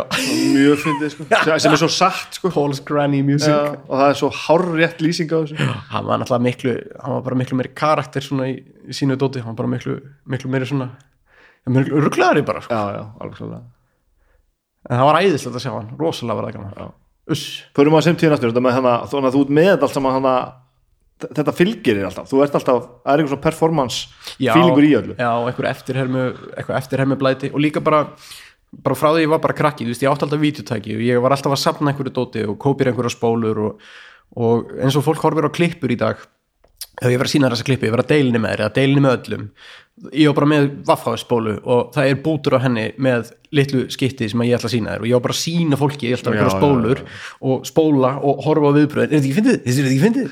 og síðan þróast það náttúrulega fljótlega yfir í það að maður uh, leikur bara uh, litla hluti og hermir eftir hlutum bara ætla að flýta fyrir. Já, já, Þannig að já, þú veist, ég hafði ekki þá option að geta sýntir alltaf alla sketsana í símanum. Þannig ég leik það bara. Og það er öruglega algjör þjálfun og þróun, en ég leit aldrei á það sem eitthvað skill, ég leit aldrei á það sem neitt merkilegt. Mér fannst merkilegt að vera, þú veist kveipin að gera maður sem hefur skrifað handrit og leikstýrt og með einhverja ægilega svona uh, svona hugmyndur um að leikstjórin er svona listamaður og þetta er rosalega flott og þessu fylgir mikil vexam Struktúruð vinna. já, svona, já, já. sem að mörguleiti á ekki aðeinslega vel við mig. Og ég kveikt einhvern veginn aldrei á því að það sem ég var kannski bestur í var bara að leika fyrir fólk einhverja setningar úr Simpsons. Já, já, það, það er í raun það sem ég ger í dag. Núna sem ég eitthvað drasl og flytta aftur og aftur og leik það eftir pöntun. Og það er, það er einhvern veginn það sem ég endaði að gera. En þetta er mjög skrítið ferralag og furðulegt og hvað gerist þannig millitýra sem þú heldur að setja orðin, orðin, fokk upp þá getur þú ferða stíð og svið að gera þetta? ég, þetta er svona, ég, ég endaði nú ég komst nú endanum inn í kvikmyndaskóla í London, ég hérna þegar ég var svona tvítur þá, eða 21 held ég eða tvítur og gerði stuttmynd sem ég laði mjög mikla vinnu í. Og hún er rosalega mikið bara um, hún er um hún er um trommuleikara sem hafði einu sinni verið trommari í svona trúbrótljómsveit en er ára 2022 farin að vinna bara sem einhver svona uh, verkamaður hjá byggingavertaka og er almennt bara frekar óanaður Mjög raunsæmynd. og já, hún er held ég mjög mikið undir áhrifum af American Beauty sem ég hafði séð nokkrum árum áður hann fer inn í bílskúr og þar er hann búin að koma sér upp einhverju Akkurat. bæli og þar er hann með sko þar er hann með gömlu sjötómuna sem þeir gáðu út hjá SG hljómblötum og við, við fórum í massa vinnu bara, ég let búa til SG hljómblötu cover, ég byggði það á coverinu sem er uh, fyrir óðmannablötuna spiltur heimur. Já. og aftan á verið texti sem Svafa Gess skrifaði og útskýrir rökstiður akkur þessi plata er frábær. Gamaldags, tekin upp í London tekið fram að þetta er þeir heldu utan til að hljóðrita tveggjalaga plötu. Og ég laði mikla vinn í þetta og búningar og perióta og við tókum part af henn á filmu því þetta átti að vera gamalt fréttaviðtal á rúf ég bara sökti mér í þetta og bara svona reyna að sína allt sem ég kunni og allt sem að mér dætt í hug. En kannski á baku þetta er náttúrulega bara eitthvað nördablæti og grúsk og svoleið sem að gaf mér svona sjálfströst til að klára eina mynd sko. hljóma svolítið eins og obsession líka sko. Já, algjörlega, ég meina, ég fór ég að velja hljóðfærin fyrir þetta og fyrir perióduna og þá var ég að ringja í Berg Rótara, hann áttu Ludvig sett ég þarf típuna sem er hérna Já, já, já. Ringo era, sko, ég vil ekki fá late 70 settið, sko, hann er, já, já, ég með það ekkert mál, það væri fínt líka að fá hérna hjá þér svona mikrofóna, var búin að sirkut lúkið og þessu. En ég komst á endanum inn í eh, skóla í London með, með þessa mynd og fór í eins ás handritana og það var svona mm, það var ákveðin upplifun að búa í eitt ár í London. Mér fannst það ekkert æðislega gaman uh, af því að ég fattaði allt innu hvað ég er vanur uh, þessu mikla návi að búa í lítilli borg Já, já. og eiga greiðan aðgang að ógeðslega miklu fólki alltaf bara 1, 2 og bingo. London er risastór og rosa mikill tími fór bara í The Commute bara að fara í lestina. Já. og einhvern veginn mér fannst það svolítið svona þrúandi en ég kynntist nokkur um góða vinnum í þessum skóla og held sambandi við þá í dag en enskan líka fekk algjört jumpstart hjá mér aftur þarna 2005 því ég kom út þá man ég að ég var bara eiginlega komið alveg default enskan hreim uh, íslenskan hreim sem ég er náttúrulega í raun með alltaf. En eftir bara nokkrar vikur þá var maður orðin voðalega enskur og bara well, basically the thing is maður fann að tala einhvern veginn svona. og það svona resti mér mikið. En þegar ég kom heim frá Englandi þá var eins og mér langaði að fara í bara pásu frá þessum kvipmyndapælingum og sá einhvern veginn ekki fyrir mér ég myndi endast neitt rosalega lengi því að vera að skrifa handirit og fylgja því eftir í einhverja styrkja umsóknir og þá sérðu meira fyrir og sérst bara að fara að verða þarna með við myndavélina sérst, meira algjörlega skrifa og stýra og eitthvað svoleið Já, og ég hafði sko, ég hafði í middeltíðinni í MR, þá hafði ég þjálfað ræðukeppnir. Það var svona, ég hafði keppt í ræðukeppnum. Það var smá svona upplifun. Því að það, ég upplifði allt í einu að fá svona mikinn hlátur við einhverju sem ég var búin að æfa og Já. flytja. Og það var svona svolítið spes tilfinning. Ég skildi aldrei almennilega af hverju ég endaði í því. Ég var beður um að vera með og ég endaði síðan á að vera svona þjálfari því ég var útskrifaður og þar þjálfaði ég einn gaur sem var svo fyndinn, það er hann Jóhann Alfreð sem er með mér í uppistandshopnum með Ísland og mér fannst hann svo fyndinn og við náðum svo vel saman og við gáttum skrifa saman og hann gætt flutt hvað sem var og hann var yfirleitt alltaf efstur á dómarablaðinu ræðumadur kvöldsins, mikið dæmi planið var svona held ég þá að hann yrði grínisti og ég yrði svona með honum í að semja og leikstýra. Og ég svona jafnvel ímyndaði mér að við gætum orðið svona smá tvíhauði, hann væri svona Jón Gnarr og ég væri svona Sigurjón. Þú voru svona gefa boltana og hann var að smassa. Já, já, sem að bara þeirra dýnamik er svo frábær sko. Og, og bóðsleg og svo ótrúlega, við, við náttúrulega tilbáðum þá, Jói bjóð til heimasíðuna þeirra upprunlega, tvíhauði.is þegar hann var bara krakki. Og hún var tekin yfir sko og þeir voru ánæðið með hann alltaf og... en það var einhvern veginn svolítið svona var meiri pródúsjón gauður í þér heldur en hitt þarna alveg, Já. sakalega og vildi svolítið, já ég vil ekkert sviðsljósi ég, ég hef einhvern ákvað því sko. og vildur það ekki raun og veru? Veit það ekki. Jú, kannski vildi ég það, ég veit það ekki.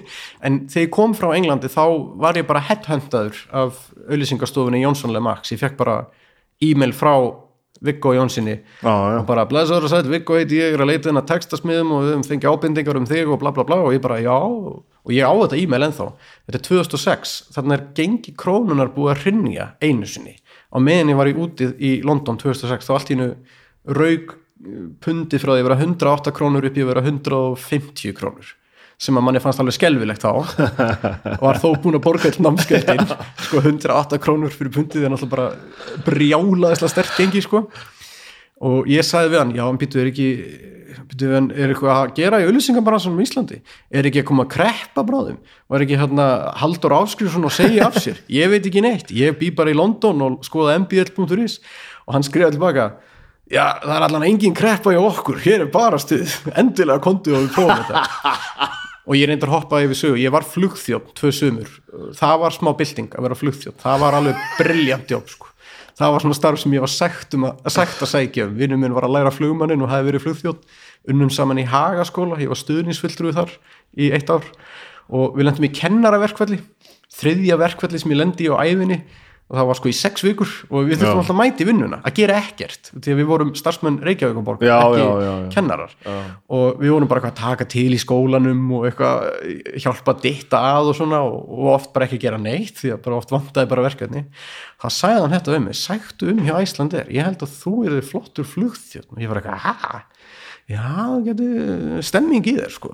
Já, það getur verið stemming og ég fór í eitthvað atvinnum viðtal hjá Æslandir og hérna, ég var svo tjúnaður því ég fór í það. Ég hef aldrei farið í svona atvinnu viðtal á það, svona formlegt, það var fyrst inntökupróf og eitthvað. Og ég fór í þetta viðtal og ég, ég labbaði bara inn og ég bara sturlaðist. Ég bara, sagði bara brandara stanslist og við erum eftirhermum og þau bara beðum um að tala henni ímsu tungumál og ég bara oh, Madame Monsieur, le prédit Senores et signores og ég bara byllaði og talaði þýsku eitthvað svona rappl sem ég myndi úr mentaskóla og, og þau hlóðu svo mikið. Ég hugsaði að þetta hlýtur að vera góðsmerki góðsviti og ég var komin í svo mikið galsa að þau spurðu mig þarna, "Eh, þarna einspurning eldjársnafnið, hvaðan kemur það? og ég svaraði, já það er góð spurning. Uh, engin veit nákvæmlega hvaðan það kemur en uh, þetta er sanns að uh, talið verið eitthvað sem að langa langa minn síra Kristján Þorransson að tjöld tóku upp í einhverju bríjari og jafnvel kendiri, hver veit. Uh, þetta er nafn á verkfæri einnig sem er úrelt í dag og svo er til nakkur frá íshestum sem heitir þetta. En nákvæmlega hver upprunni nafnsins er það er ekki ljóst Já, hann eftir skildu fósittanum. Já, Kristján Helgi og annar, hann var afið minn. Já, takk hérlega fyrir viðtalið. og ég hérna, og svo var ég ráðin í þetta jobb og prófaði þetta og þetta var mikið out of my comfort zone að vera flugþjótt, en þetta var ekkert mál. Bara í stuði, bara að djóka og, og ef farþegar voru eitthvað fúlir þá var maður bara kurtis á móti og reyndi oft einhvern veginn að beina aðteklin eitthvað annað og, og svo var bara uh, hleyið allan tíman í rútunni Þetta hljómar eins og það hefði bara verið fullkomlega stefnulegs algjörlega og gjörsalega stjórnu bilaður þegar ég var í stuði sko. bara Já, já, já. alltaf svo ógislega gaman sko. þannig að já Og svona borderline óþægilegur. nei, ég, ég, sko, ég held að mér til hross þá, þá lærði ég það reyndar sent á lífinu en ég lærði það þegar ég var held ég orðin svona, þegar ég bjó í London til dæmis mm. þá lærði ég það að það þýtti ekkert að tala stanslöst og hlusta ekkert Já, já. og vinur minn sem er eitt besti vinur minn í dag Ala, hann var með mér í hérna, í skólanum, hann eh, satt alltaf að hlusta og hlustaði á mig og, talað, og ég talaði og talaði. Og svo sagði hann, I just have to say Ala uh, it's just I've never met anyone who listens so much. Like I'm, I'm almost tired. I, I speak so much. Og hann sagði eitthvað, well you know I have selfish reason my theory is if you listen to someone talk for long enough at some point he's just gonna run out of bullshit and maybe say something interesting og ég bara, ooh, nice one og hann kvatti mig til að hlusta á fólk Já, já. og ég tamdi mér það bara frekar hratt að geta líka hlustað sko. en oft þegar ég mæti viðtöl þá segi ég ekki neitt því oft veit ég ekkert hvað ég á að segja en ég er búin að hlusta svo mikið á nörda við þættina þína ég, að tala um svona við þetta. já, en ég er náttúrulega held fyrir að fyrst að ég sé í bestu plötunni núna sko. ég, ég er búin að hlusta Já, en sko, en þetta er alveg partur að, að, að, að, ég er með þennan þátt, sko, að því að viðtalsættir eru svo skelvilegir. Þegar viðmannandir mætir og, og sko, og finnst það eins og, sé eitthvað sem verður að koma fram, þá er viðtalið dáið, sko. já, já Það er eitthvað svo skelvilegt. Já, ég var rosalega misjamt mótið þessu en einhvern veginn þetta er bara frá því ég man eftir mér, þá hefur þetta verið einhvern veginn sem ég geri, endur taka einhverja hluti leika einhverja hluti og reyna að lesa salin, reyna að fatta hvort þú ert að tala of lengi eða hvort þetta er að virka eða ekki, en ég held líka því fylgir náttúrulega líka kannski ókostur ef maður er mjög næmur á umhverju sitt þá getur maður líka alveg svolítið mikið uh, spila vörn, já, já. bara já. almennt sko, Já, það, það er til fólk sem er bara drullu sama hvað öðrum finnst og segir bara því, það sem því sýnist hvena sem er -hmm. og það er bara með einhverja allt aðrar stillingar, það bara er kannski ofta ekki einu sinni meðvitað um að það er að tala á mikið eða, en það fólk eh, hefur styrkleika á einhverjum öðrum sviðum og Já. Vist, ég geti aldrei verið Kári Stefánsson. Ég gæti það ekki, ég gæti ekki verið bara þetta er rámt hjá ykkur og ég ætla að taka þennan tátu yfir Já, og þannig að vera þessi sem bara svona á, sínum, á sínum eigin forsendum hann er mjög mikið á eigin Já, hann er bara á Já, sínum eigin og hann heldur mikið með sjálfum sér og gerir náttúrulega líka stundum auglustlega í því sko. Já, já. og hann náttúrulega geng svo mikið upp í árið að hann segir mjög auglustlega stundum eitthvað sem hann veit ekkert alveg hvort hann getur bakað upp hann er bara, hann er bara með einhverja allt aðra grunnstillingu ah, hann er rosalega maður sko. ég held að svona margir eins og ég eða í mínum bransa um, um, margir grínistar eru náttúrulega kannski það sem er kallað people pleaser þú hefur þennan hæfileika til að soldið vera Já, þægilegur já. og til að vera skemmtilegur og það er náttúrulega eitthvað sem maður þarf að passa sig á líka sko. því að þú mátt ekki aftengjast alveg frá því hvað þið finnst þú mátt ekki bara hugsa um það og vera alveg já, hversmanns huljúi, Já, það er ekki hægt. Nei. og það er svona svolítið áskorun held ég ef maður, ef maður verður eh, svona vinsæll fyrir að vera svona hress og skemmtilegur.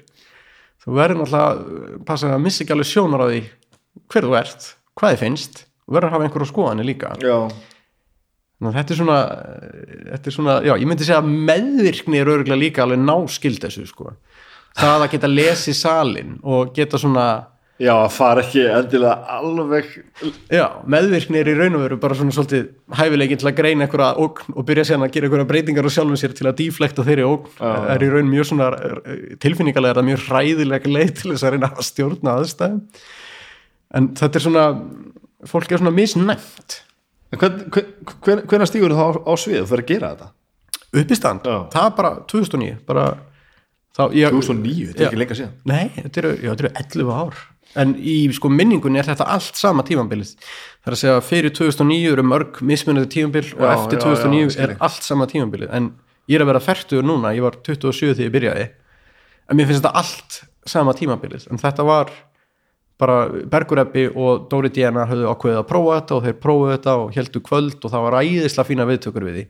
Tróðfullt og, og rosa salur fyrir þessu. Og þetta er líka eftir hrunið. Og þetta er bara með Ísland, þess að það? Já, Bergur kom bara með þetta nafn upp úr þurru og, og það svona byrjaði að þróast og, og sá bolti eh, þróaðist seinna. En þetta er fyrsta árið er þetta bara svona eitt eða tvö eða þrjú gig. Og við Jói fórum og horfðum á þá og við vorum bara, við ætlum að vera með. Við verðum að vera með.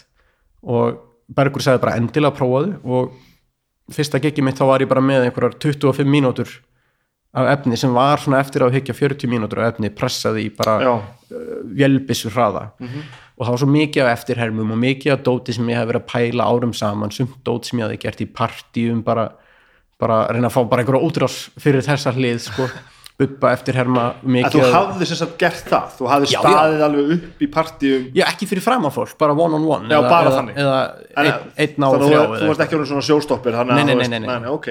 þannig að ég prófaði þetta og það var bara svo brjálæðislega gaman að þetta þróaðist bara allt svona og, og ég fekk síðan líka það ár að skrifa skaupið Reynir Lingdal hefði fengið mig þremur árum áður og þá var ég bara svona ég var ekkert að leiki í því að neitt og skrifaði bara nokkra sketsa og Þorsteinn var það líka En hvað varstu þá orðið þá? Af, hverju þú fengið, þess að skrifa skaupið þannig að lunga áður tónir einhver stand-upkur?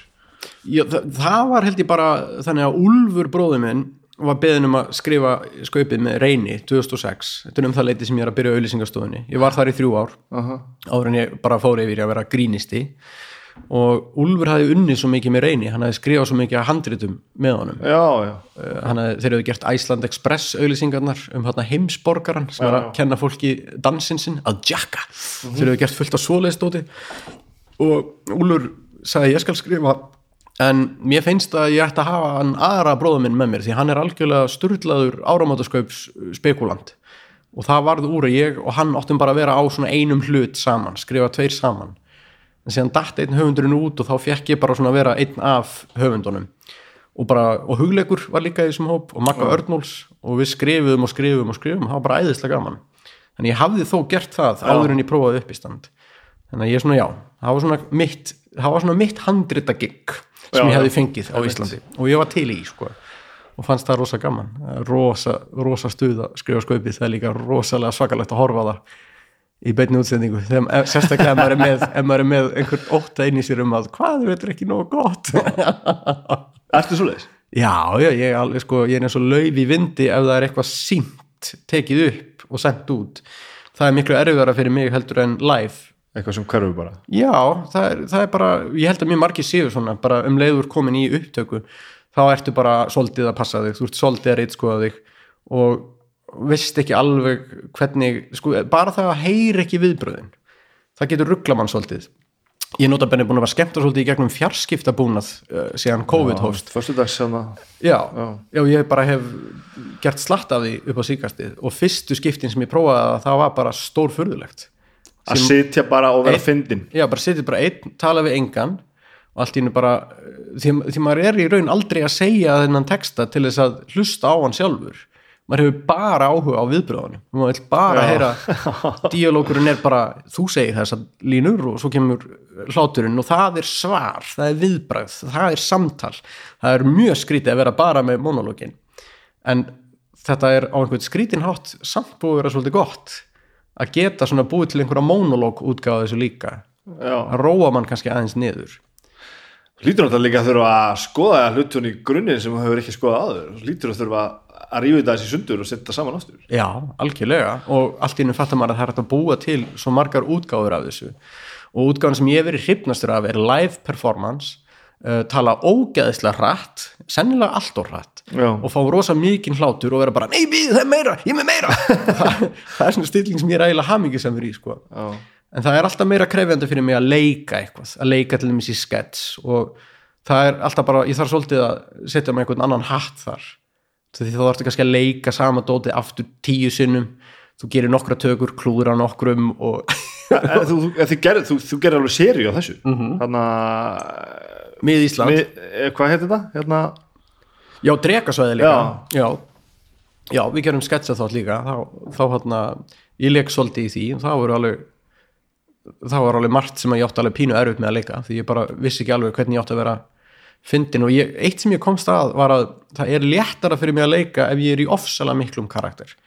Ef ég er, þú ert Andri Sönd já, ef ég er Andri Sönd en, en ástæðan fyrir því að mér leiði vel að leika Andri Sönd sem dópista í, í, í dogmamynd var að ég talaði dönsku allan tíman Já, já. og ef ég tala dönsku allan tíman þá er bara eitt game í hausnum á mér og það er bara hvernig get ég gert að fyndið að tala dönsku. Og, og djöfull er ég klár að kunna þó þetta mikið í dönsku. En um leiðu ég leik bara einhvern sem er svona óskilgreindur maður sem tala venjulega þá líður mér eins og sé ég. Og ef það er ég þá líður mér furðulega að vera fyrir myndavel en um leið og hann er farin að tala dönsku eða ensku, þessi, þessir fótbolta karaktera sem ég hef gert þú veist, svo stór partur af því sem ég finnst ánægilegt að gera þá er bara á- orðaforðin og afstæðan hjá karakternum og, og ég held að sko virkilega góðir leikarar, þeir geta gert þetta við hvað sem er. Já. án þess að þurfa eitthvað sem er svona rosalega afgerandi þetta er ekki ég. Samanskapið margir leikara sem ég hitti þeir eru alltaf hvernig er að vera upp á sviði og vera bara þú? Og þá En- fatt, en, en ég er ekki ég. Ég ætlaði að þetta að segja, en ertu þú þegar þú ert upp á sviði? Nei, þetta er einhver útgáfa af mér. Já. þetta er einhver svona eimuð útgáfa af ákveðnum eiginleika sem ég hef. En auðvitað er mjög létt að rugglast þegar að nafnið þitt er þarna og sýningin heitir bara nafnið þitt og, og þú ert bara kynntur sem þú og, og það er engin annan nema þú á sviðinu. Þá er mjög auðvilt að halda að þetta sé náttúrulega bara maður að opna sig en maður náttúrulega er ekki að opna sig fyrir fimmur. Þetta er, bara, þetta er allt brandarar. Þetta er allt saman svona dót sem þú ert bara búin að æfa og, og sumt er eitthvað smá spunni og svona en leikarar oft eru svolítið svona þeir eru með aðra aðferð, þeir vilja kannski bara fá substans frá einhverjum öðrum texta frá öðrum, þeir vilja fá handrit og personu og, og vera með alveg ákveðna hluti alveg frelsislausa. Og svo gera þeir allt sem þeir geta alltaf að gera þetta sínu og breyta sér í þetta og reyna að finna út hvernig get ég gert þetta að mínu. Þannig að ég, ég minnst þess að þegar leikarar og svona uppistandarar tala saman, þetta er smá svona eins og í True Blood þegar hann að vampýrur og, og varúlar hittast og er svona What are you? Svona, svona, svona sama, já. svona loka markmið en Já. einhvern veginn aðferðar eru alveg. Svo ólíkur, samt svo líkur og tónlistamenn og grínista líka eru oft alveg með svipa samband Já, svona, já, já. svona ah, hillast svona af einhverju hinnum flestir grínista sem ég veit um haf, finnst, þeir hafa rosa gaman af tónlistamenn og, og tónlistarflutningi að- tónleikum, tengja við ákveðna hluti Já. þetta er eins, þetta er eins, þetta er allt öruvísi Já, já, já, já, já. og eru sína kvarta yfir að þið getið náttúrulega bara spilað í bakgrunninum, þú veist, það er allt í lagi þið getið verið með kokteltónlist, ég get ekki verið með koktelgrín og, og þið getið spilað gömlu lögin aftur og aftur og aftur og Já. meðan við verðum eiginlega verið með nýtt og nýtt og nýtt þetta er svona gaman að byrja þetta saman. Sem tónlistarmaður sko, líður mér eins og það sé miklu auðveldara að eiga slæmt gig ef þú ert tónlistarmaður. Mhm. þú getur þá bara að klára lögin og farið sko. já, miklu minna í húfi einhvern hitt er einhvern veginn svo æpandi slæmt. Þa, það, er, það er svo, svo nagandi að sjá uppistandara sem er ekki að gera Gott. og, já, og líka það er langverst fyrir salin þegar uppistandurinn gengur illa og ef, ef svo hræðsla byrjar að dreifa úr sér í salinum að þetta sé nú ekki ganga nógu vel. Já, já, já. Fólki líður hræðilega að vera í salinu og er bara, ó guð, akkur er þetta ekki búið? Uppistandurinn er oft meðvitað um að þetta er að ganga mjög illa en þegar þú er komin í þá aðstöðu á sviðinu þá hann þá verður í raun svo eðrulaus að þú eiginlega kúplar þig alveg út úr því og er bara eitthvað, já já, hörru, takk fyrir mig bless, bless, já já, þetta nú skrítið. Þetta nú ekki nóg gott. Já. En svo er þú kannski bara off the hook og meðan það kannski tala um það Ú, ég veit ekki hvernig þessi guður ætlar að lifa af kvöldið sko, það var lendið að vera svona vandralur og þá, þá er þetta sko meðvirknin í já, er bara, uh, fólki þar líður jafnvel miklu verð þetta gengur alltaf meðvirkni, hefur þetta að segja það þetta er bara, allt, þetta gengur allt samfélagið hangir saman á meðvirkni þannig er clickbait for- fyrir sem komin. Nei, það, það, þú veist, meðvirkni er öruglega svona bæði og veist, það er gott að geta sagt við einhvern, já þetta er bara fínt hjá þér ef það er það sem þarf. En svo er þetta sko meðvirkni og einhver svona samkend ekki það sama, þú veist. Nei, Þa, það er eitthvað við það að sitja í sal Já, og þú ert upp á sviðið að skemmta Já. og þetta er ógeðslega fyndið og þú veist besta vinnum mínum sem sittur við hliðina mér finnst það líka, Já. þá finnst mér þetta ennþá meira gaman þegar við erum að búa til eitthvað svona moment sko. þetta er ekki bara, Algjörlega. nagandi meðvirkni sko. Svo, ég finn líka sko eins og ég er rosalega kröfuharð við sjálfa mig og eins og ég er ótrúlega svona gaggrinn á sjálfa mig þá hef ég rosalega lítinn áhuga á því að aðri séu það þannig að ef einhver kemur með einhver að púlta veist, mín versta martröð er að hafa áhugir af því eitthvað sé ekki nógu gott og svo kemur einhver og staðfestir það Já, já, þá er ég bara svona og þá, þá líður minni svo ég, ég, ég, ég vissi þetta og þetta eru svona hlutir sem ég þarf ofta að taka mig svolítið á í. Að hugsa bara, já, eru, akkur er þetta ekki bara allt orðið sakfræði, akkur segir ekki bara já, þetta var ekki nógu gott, en ég minna það er, engin, það er ekkert hættulegt, það er ekkert hættulegt við það. Stephen King sagði sko að hann skrifa bók og svo gefur hann út bókina og passar að þegar hann er bókin er að koma út þá er hann hálnaðu með næstu. Þess að ég búin að skrifa sér frá henni. Já, og ef hann fær vonda dóma eða honum finnst sem hún gangi og hún selst illa þá var hann bara, hm, áhugavert You wait till I finish this one ah. og, og það er dálítið sniðug leið til að svona því í grunninn náttúrulega er sko mannskeppnan er með eitthvað hjarað eðli og það er eitthvað í okkur sem að les í hvort að aðrir séu að fíla mann eða ekki og, og það er svona fight and flight uh, svör í manni sem eru bara einhver þróunar arfur bara frá því að við byggum á einhverjum sléttum og, og gastallinu verið í etin. Og fullt af fólki er að gl- glíma við það að það er með kvíða og, og, og svoleiðis dóti er, dóti er bara svona komið í yfirsnúning hjá því. Og ofsalega mikið af þessu er algjör óþarfi en við erum náttúrulega með, við erum með svona ákveðin varnarviðbröð í okkur sko, sem maður geta alveg farið í gang upp úr þurru þess vegna við lifum í raun á dálítið merkilegum tíma. Það hefur sjaldan verið að mikil umræða um þessa hluti. Já. fólk er rosa mikið að opna sig um þetta.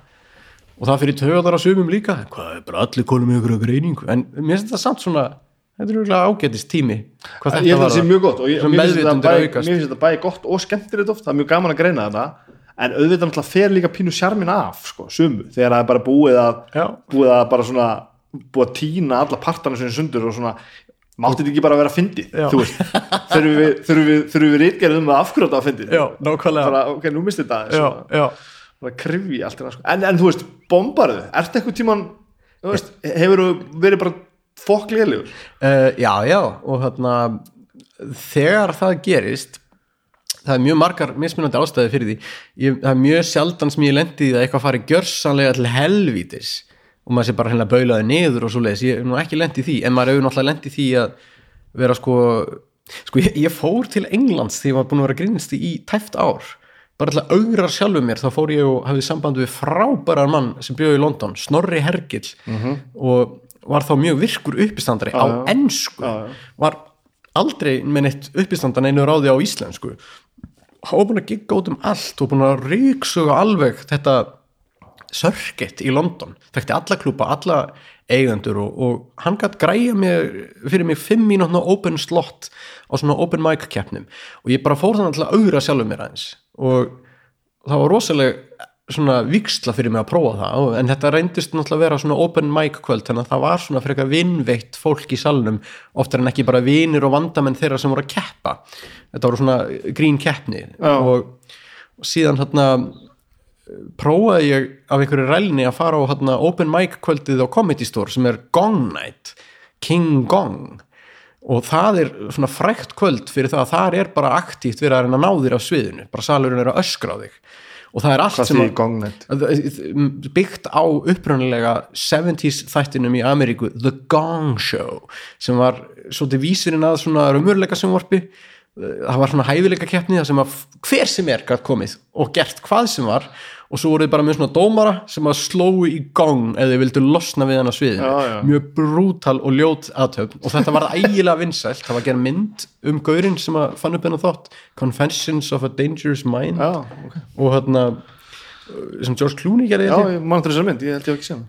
Gong Show er allan að þekkt starði í uppistans heiminum. Hver sem er getur skráð sig og hann fær tækifæri til að koma á svið og ef hann endist í 5 mínútur then he beats the gong og þetta virkaði þannig hérna í þessu, þessu Gong Showi að þeir letuð þrjá áhórandur fá svona stort rautt spjald. Og hver og einn er að gat á einhverjum tímum búti settu brauðaspjaldi og hann fannst ekki nóg gott eða eitthvað, hann fannst eitthvað leiðilegt. Og um leið og þrjú rauðspjöld eru komin þá er gongað og þetta er bara átt og salurinn í mildtíni getur hleyið eða öskrað eða baulað á þig eða heklað þig, gert hvað sem er. Já. og þetta er, þetta er viðbjóður. Þetta er svo brútal og ljótt og, En gaman, eða? Já, já, en þetta er náttúrulega freakshow, þetta er ekki eðlilegt gig. Og ég fór og horfði á fyrsta gaurinn, hann var gongaður af eftir bara nokkra sekundur og, og allir bara svona bú og menn bara öskra litið svo dæ, bara deyð. Og það var einhver steggja veistla, steggjapartí þannig að þau voru svo blindfullir og gaurinn séðan var, kynnerinn var svo mikið kvikindi og alltaf þegar einhver fór á sinni var hann a stunning 37 seconds as one of the poorest performance of the scene einn gaur lappa upp á svið hann var með glerugu og sköllóttur og sagði eitthvað, right, Paris Hilton. Og það bara var öskra á hann strax Pedo þingu og hann bara, oh, no, Paris Hilton. Pedo, Pedo. Boom, gong. Og, og bara kynirinn kom bara an impressive nine seconds ladies and gentlemen. To be fair mate if you look like that you better be prepared for some pedo heckling og maður bara svona Jesus og svo fór ég upp á sviðið og ég bara, ég romsaði út um mér öllu sem ég átti og ég fekk eitt rautt spjald bara strax fyrir að hafa sagt bara, uh, my name is Ari, I'm from Iceland bara rautt spjald, bara, bara góður sem var bara, nepp, ekki ánægð með það. Og síðan tókst mér að fá ég náði einhverjum þvílíku flugi allt í hennu og fekk rosa hlátur og, og svo ná, tók ég eftirhermu á Morrissey, söng eins og Morrissey og það var allt alveg brjálað. Þarna ég let Morrissey syngja Who Let the Dogs Out Who let the dogs out? A most fortunate freeing Of this canine being. Who let the dogs out? Þá fóru þau nú að klappa sko. Þá var komið smá svona Ok, þessi gaur er að gera gott mót Þessi gaur veit eitthvað um England Og að, það er áhugavert og svona. Svo kláraði ég efnið mitt, ég átti sex mínútur Ég kláraði það á fjórum mínútum. Og það var bara mínút eftir. Oh. en ég tilgæti bara, well that's it ladies and gentlemen. I don't have any more material. Og ég var ekki með neitt meira. Og kynnin var bara svona halda áfram, það gengur vel, það gengur vel halda áfram. Og, svo stóð ég bara no, thank you. Og, svo bara eitthvað það er bara baulið. Og svo bara stóð ég og þá kom Gauri með þriðja rauða spjaldið hann var bara leiti kring sig ja, ok, þá komur rauð spjald og bara gong og bara a heart shattering 4 minutes and 57 seconds ladies. Og það var eitthvað oh! Og síðan kom hlið og það var allir eitthvað you got robbed mate, you were the only one who could do anything that was brilliant man, why did you quit? I didn't have any more jokes. Og svo fattaði ég eftir hlið að sagt, komst í gegnum þetta þá þurftur að fara áfram Já, og taka þrjáru mínútur og, og vera í sko one on one. Og ég var bara, guð hvað ég feina ég slapp ekki í gegn því ég átti ekkert eftir ekki neitt. Og svo vann einhver gaur og hann var frábær en þetta var allt samt eitthvað you're the king gong og setta á hann einhver svona kórona og eitthvað he's the king gong og allir bara eitthvað bebu þetta var eitthvað svona skrítin stemming.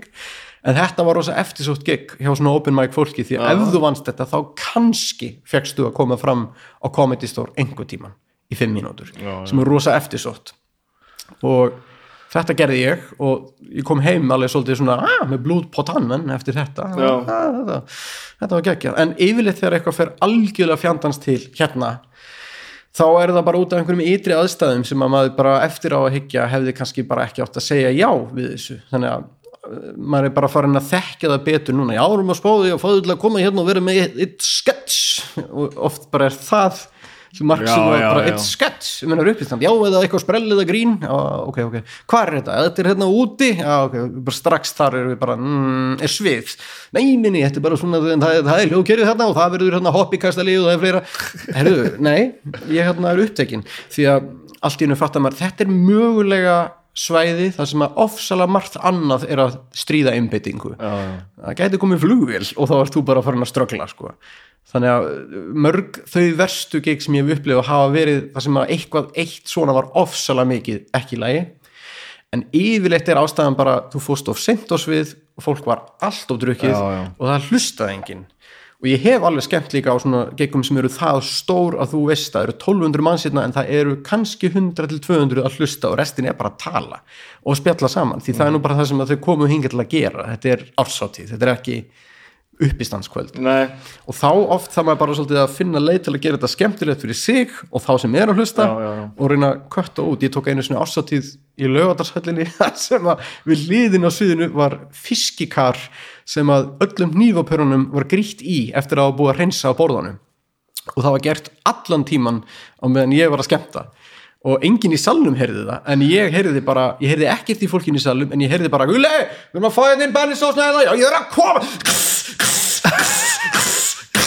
Allt ekki er ég bara með hnífapör, hnífapör, hnífapör, hnífapör. Og það er einu sem ég hugsa allan tíman hnífapör, er ég búin að, var ég að segja nei, nú, nú, nú leik ég þetta, hnífapör, ok, verð ég búin nei, og maður hefur stundum átt gigg þar sem maður fer svo illa inn í hausin á sér að maður er ekki meðvitaður um hvernig það gekk, bara á engan hátt. Og ég hef líka lendi því að skemmta kannski nokkru sinni sama kvöld, þetta er nú eitthvað sem allir uppist að lendi sem skemmta oftar en einu sinni sama daginn. Og byrja eitthvað að ringla með röðin á efninu. Og svo man ég bara allt í hennu ekkert hvað ég er búin að segja hvar. Og ég hef oft verið hálnaður með bytt og fæ allt í hennu tilfinninguna. Ég er að endur taka mig. ég er að segja þetta aftur frá því fyrir fimm mínútum. Eða var það bara áðan fyrir hálftíma eða klukktíma og þá verður maður svo skrítin og nájaður að maður fer að segja það allt öðruvísi. Og þá fær maður ekki hlátur á sömu stöðum. Og þá þegar maður hugsa að byrja, er ég að endur taka mig? Og það kom einu sinni fyrir að þetta, þessi paranoia var svo slæm að ég stoppaði bara bytt og spyrir fyrir ekki, ég, hérna, ég er búin að skemmta á svo mörgum stöðum í kvöld. Var ég búin að segja þetta á þau og salurinn sagði ekki neitt því að enginn hefði hugmynd um hvað ég var að tala um. Og þá fattar maður alltaf inn það sem þú ert að lesa og, í, og skinja og pæli er bara ekki það sem þau eru að pæli í. Nei, nei og það eina sem þau sá var bara maður sem var bara í bana stuði og bara hætti allt í hennu og fór bara að spyrja einhverjum óskiljanlegum spurningum. Já, já. þannig að maður er alveg átt svoleiðis moment. En þetta með að lenda í því að bomba algjörlega bara, þú veist, þú bara móðgæðir einhvern og, og fólk bara snerist gegn þér og svona, eða einhver var aktíft að hekla þig og svona, rosa sjálfgæft Já, og ég held að það sé í heiminum miklu sjálfgæfara heldur en talið er, en sko þegar maður sér uppistand tekið fyrir í bíómynd það er eiginlega alltaf sama scenarióði sem er sínt í bíómynd eða sjónvastandi það er uppstandari, hann segir eitthvað það kemur feedback úr mikrofónunum og einhver byrjar að hekla hann og það fer svolítið úr skeiðis já, þetta eru svolítið sögurnar sem fólk vil heyra og ég held líka fyrir þá sem hafa aldrei prófað þetta þá, þá vill að svolítið mikið fókusir á þetta því þetta er eitthvað sem það hræðist svo mikið. En raunveruleikin er sá að vestu kíkin eru svona já. það sem þetta var bara hvorki fuglni fiskur. Þú varst ekki stuði, þau voru ekki stuði. Það var ekki svona konsensus um það beint en svona eh, það var svolítið sem búið bara. En við líka að tala um það, þú veist eins og þú ert, verður vantilega svolítið hratt, svona frekar þessu. Og svona mjög vinsæll þegar þú komin með einhvern svona, einhvern svona recognition það, það fólk veit hver þú ert og hvað þú gerir þá, þá er fólk vinveitt þér sko, þú ferð, þú ferð vantilega á svið með, með pínu forgjöf. Algjörlega. Þannig að þú veist þetta bomb sem maður verið að tala um Já. hlýtur þá svolítið bara að gerast þér að enginn veit hver þú ert. Aha, það gerir það. Og ég líka verð ég, ég er í miklu meiri hættu á því uh, ef ég er að koma fram erlendis út af því að Já. þar er ég raun bara með eitt game og það er bara, þið hefur ekki hugmyndum hver ég er og ég ætla að koma ykkur á óvart með hvað ég þó kann mikið með við það hvað ég veit ekkert hver ég er Já, já. og það hefur oft gagnast mér rosalega vel að, að líta á mig sem einhvern underdog þar djúvill hann góðu þótt að sé nobody já, eða bara, ég, ég, ég vissi ekkert hverju þessi gaur var og mér leist ekkert á hann en hann var bara mjög fyndin en ég hef alveg reikið mig á það allir með þessi Edinborgarháttíðinni, þar er ég búin að vera sko tvisvar með sýningu og þá keiri maður sömu sýningu á hverjum degi í fjóra vikur og er einn af mörg þúsund sem er að gera þetta og það er, það er sko Íslendingar ætti að fjölmenna á þessa hátíð á hverju ári því hún er svo skemmtileg. Stærsta listaháttíð í heimi.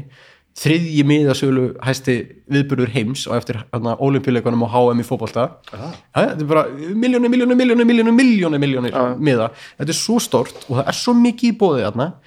Og ég lendi því sem sagt að það er mikill munur á að keira sína eigin sýningu þar og að fara síðan sem gestur á svona split bill line-up þar sem þú ert nummer þrjú af fimm eða þú ert og ég kom fram núna seinast í Edinborg á stað sem heitir hérna oh, hvað hétt kvöldið? Þetta var, ég er búin að gleyma hvað kvöldið heitir en það er mjög frægt og ég sagði já, ég er til í þetta, hvernig er þetta? Það byrja klukkan eitt. Ég er bara eitt? Eftir miðnætti, ég bara, ó, Jesus. Ok, byrjar það eitt? Já, það byrjar eitt, hvernig er það búið? Þrjú. Og það er alltaf, á hverju kvöldi? Alla nætur, alltaf, þetta sjó. Ah, ég trú ekki, ég mun ekki hvað heitir. En allan ég mæti. Og ég, ég við, ertu þá að fara að skemmta þannig með 1-3 Já, hverju ég- kvöld í fjóra vikur? Nei, nei, nei, nei, nei, þetta er bara svona kannski tvisvar á þessum mánuði Ok, ok. en mér búið að vera með þessu sjói. Alright. og þeir eru bara alltaf að rótera, þeir eru alltaf að fá nýja sex grínista, nýja sex grínista. Nema hvað að ég mæti á svæðið og, og ég fyrir hlje ég seinustu fyrir hlje og ef maður er sko fyrir hlje og er að loka fyrir hlje og klukkan er mjög margt, það er bara mjög fínt. Það er mjög fínt að vera þá. Þú vilt eiginlega ekki loka sjóinu ef klukkan er orðin rosalega margt. Það er bara mjög krefjandi, fólk er svo drukkið og allir er svo þreyttir líka. Og þú sjálfur er þreyttur. Og ég mæti á þetta sjó og ég er með tíu mínútur. Þú loka fyrir hlið og það eru þrý fyrir hlið og tveir eftir hlið og svo atriðið. Og ég bara atriðið, pæla ekkert í því. Ég tek þess að tíu mínútur og það bara gengur allt eins og í sögu. Það bara, þau bregða strax vel við svona upphafsbyttina sem ég svona aðeins að láta vita hver ég er, þreif aðeins á þeim og svo detta einhver eftirhefnir í gang og einhver smá theatrics og svo rosa loka bytt og einhver tenging og eitthvað smá spontant, ógeðslega gaman. Og þeir segja bara, þetta var snild þú kemur aftur, komdu aftur því viku og þú headlinar næst, þú ert seinastur. Þú lokar sjón, ég bara, ok, snild og svo í myndið þinni kemst ég að því að það sem þessi sýning er svo fræg fyrir er að það er open mic hluti í henni uh, eftir hlýja þar sem hver sem er úr salnum getur gert það sem heitir naked promo. Og það sem sett felst í því að þú mátt koma upp og gera kynna eða promotera hvað sem þú vilt ef þú ert allsber. Og þannig allt innu kveikti ég á því akkuru, ég hefði einu sinni tekið upp síman á sýningunni og tekið svona mynd af einum uppistandaranum bara frá vængnum eins og maður gerir og kynnin er bara, tók bara síma engan síma, engan síma ég var sko, vá, þú stramgir þessu símabanni hérna. Hm, hm. svona er heimurinn orðin og svo fattaði það náttúrulega bara, það bara má ekki vera með símaninni því það er bara fólk að fara úr fötunum. Og ég bara sitt þarna og er að fara að loka sjóinu en á undan mér er einn uppistandari á frábært mót. Svo er bara, alright, the naked promo. Who wants to do the naked promo? Bara byrtist einhver blind fullu gaur upp á sviðinu og það kemur eitthvað lag og hann bara fyrir öllum fötunum og allir eru bara öskrandi og ég er bara ég bara hvar er ég? Hvað? Ég á tvö bönn, hvað rugglir þetta? Og, og gæin er síðan bara sko, hann er sko, hann er í svo miklu adrenalín kasti, hann er búin að drekka sig í þetta og vinur að segja, go on Jimmy! Yeah, brilliant, brilliant. Og svo flytur hann eitthvað promo til að kynna einhverja sýningu sem hann er í miklu bastli með að fá fólk til að koma á. Og bara endilega kaupið þetta flyerinn og svona. Og síðan bara kemur einhver annar og gerir þetta líka og klukkan er bara að vera þrjú sko. Og það er bara tveir búin að fara úr fötunum og það er allir bara svona dans, dans, dans aah! salurinn er bara komin í svo brjálaðan gýr og svo mæti ég bara á svið klukkan þrjú og tek bara korter og ég bara, ég finna bara strax bara þau eru gjössalega búin, ég er gjössalega búin ég, ég get ekki toppað þetta ég get ekki fyllt eftir þessari orku ég er einhver squeaky clean grínisti og að ég eigi að teljast vera með eitthvað edge eftir þetta er ekki að fara að gerast. Og ég, og ég fann bara hvernig það bara þotnaði með munnurinn og það bara kom suð í eyrun á mér og þau bara svona fjöruðu út og byrjuðu að tala. Og svo náði ég bara að klára þetta á einhverjum brjáluðum herkjum.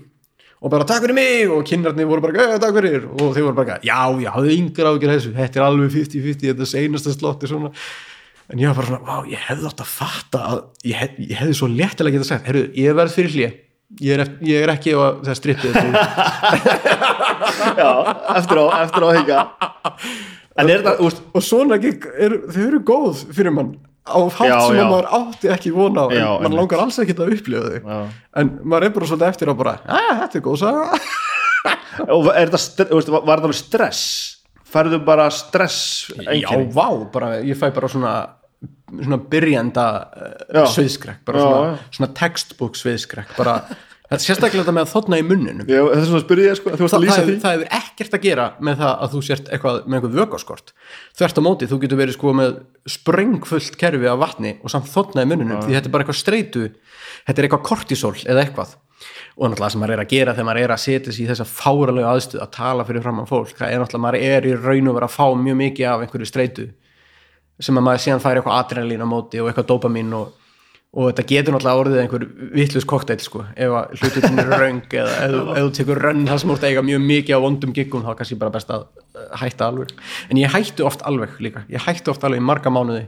Að skemmta, já, já, skemmta já, já, er bara að vinna. Og ég hef gert það alveg seinustu ár. Og það er oft bara mjög erfitt. Það er bara svolítið maður verður svo háður Bara í einhverja áhyggjur og eitthvað rugl. Þá bara fyrir að búa til eitthvað í hausnum að þér og veist, það er nánast það sem gerist eiginlega alltaf ef ég er hættur að vinna og náttúrulega hef þurft að gera líka svolítið í COVID ástandinu, þar sem að þú fær mjög miklu óvissu og, og náttúrulega fólk í okkar geir er allt í að upplifa eitthvað bankarhrun í fyrsta skipti, eitthvað svona kerfishrun. Já.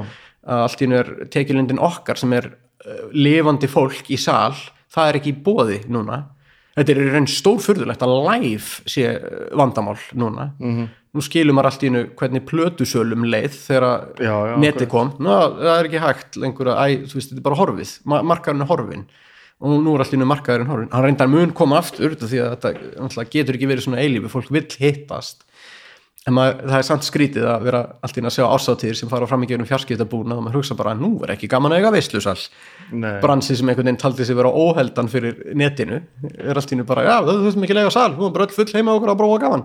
Fokk, það má ekki koma napstir á þetta líka. En þegar ég hætti þá oft byrja ég bara að sökka mér eitthvað áhugamál.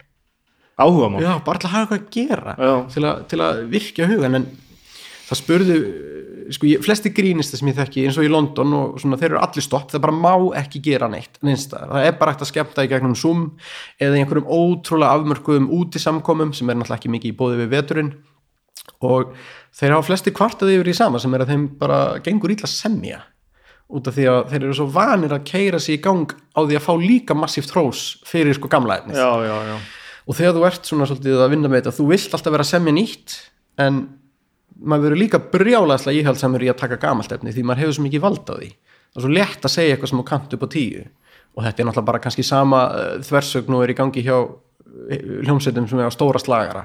Bara, já, já, við, við ætlum að spila creep í kvöld, við gerum það ekki alltaf. En við ætlum, yey, creep! Ó, guð, þú veist, reyti og heit menn ekki að spila creep alltaf, en það er bara risa hittari. Já, eh, er samt sá sko að fólki vill að við spiljum gamlu lumunnar Ég nenni ekki að hlusta sumu brandarinn þína tíu algjörlega, en þú mynd neyðast til þess ef þú ert, sko, ef þú ert gestur á ásáttíðar uh, sörkitinu Já. maður lendir nú oft í því að maður skemmtir hjá einhverju fyrirtæki. Allar þessar ásáttíður eru vennilega í februar, mars, apríl.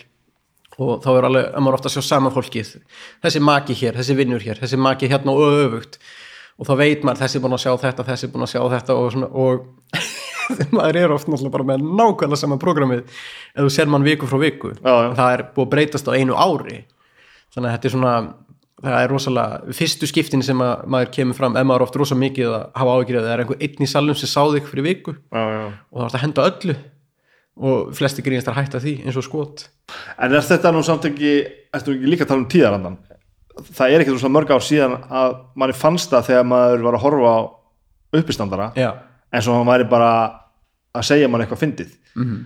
en svo, svo liða árin og þú fattar náttúrulega, já þetta er síning sko algjörlega og, og hérna, þetta hefur verið flutt hundrað sinnum áður Já. áður en þetta var svona næs Já. og oft er kannski líka uh, áskorunin fyrir þá sem að uh, eru konni með efni sem eru að mikið valda og það er að hafa það samt nógu lúst til að þeim líði eins og það sé eitthvað nýtt að gera ferst, já. og það er náttúrulega, það breytist náttúrulega alltaf eitthvað aðeins og oft er fínt að maður kann eitthvað upp á tíu og tekur langa pásu og kemur tilbaka og kann það ekki alveg að það, Já. það er oft gaman það að að, það aðeins að ströggla við Já, þá allt í einu semur kannski einhvern einn lítinn bút inn í það. Og þú veist, maður gleymir sig að mjög fljótlega þetta var einu sinni bara þetta.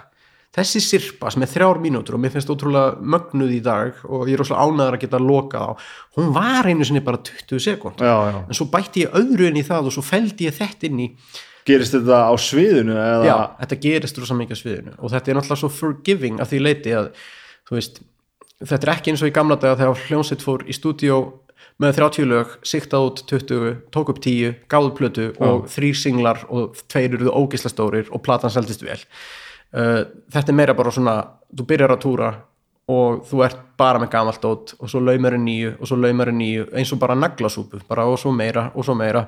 Og allt í nörti byrjar að sleppa einhverju gamlu nýja dótið komið í aðeins starra hlutverk og svo allt í nörti búin að semja 20-39 mínútur. Þetta gerist alltaf jafnt og því en þú ert alltaf að flytja það eins og lokaprodukt Já. það, það, sem er, sko, það sem er þægilegt við þetta er að þú ert í raun aldrei með deadline, þú ert í raun aldrei búinn. Nei, nú þarf að vera allt tilbúið og nú er búið að gefa út og nú er ekki að breyta því. Gerir þetta alltaf? Ertu alltaf með hvað ætlaðum að segja sjóið eitt langt? Það er, sko, ef ég fyrir bara út í bæja skemmta það er 20 mínútur, það er bara svona innkoma. En svona ef þú verður bara að halda sýningu, hvað er þetta þá? eins og áramótasýningin sem ég er með hún er 40 mínútur hlið og 40 mínútur. En 20 mínútur af því eru svona skemmtiatriði inn í það og eitthvað svona uh, innsendar upp á einhverjum topics svona mér í spunni að þú ert svona klukkutíma klukkutími, já. og er, sá klukkutími er hann alltaf að morfast yfir í eitthvað annað? Í fullkonum heimi væri hann þannig en raunveruleikin er sá að hann er kannski að verða að megninu til í oktober í miklu stressi. Já. en ég á kannski meira við þú hendir aldrei klukkutíma og kemur inn með nýjan klukkutíma. Nei, en það er náttúrulega það er það sem hann langar að gera. Já, það væri sem sagt eitthvað sem að maður, maður myndi kannski Já. vilja gera. Ég held ég verið að fara klósett. Farklösti, það er hérna beintinn Þú, þú verður ekki tótt, ég geti farið með mækin inn dönni Já, gerðu það.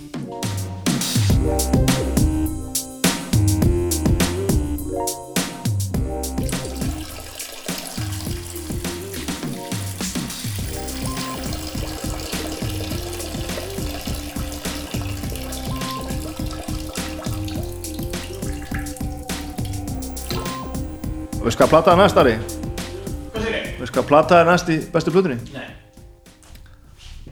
Það er, nú er ég að passa að spóila ekki sko, svo að sé hérna svo ég sé svolítið með réttur röða sko. Já.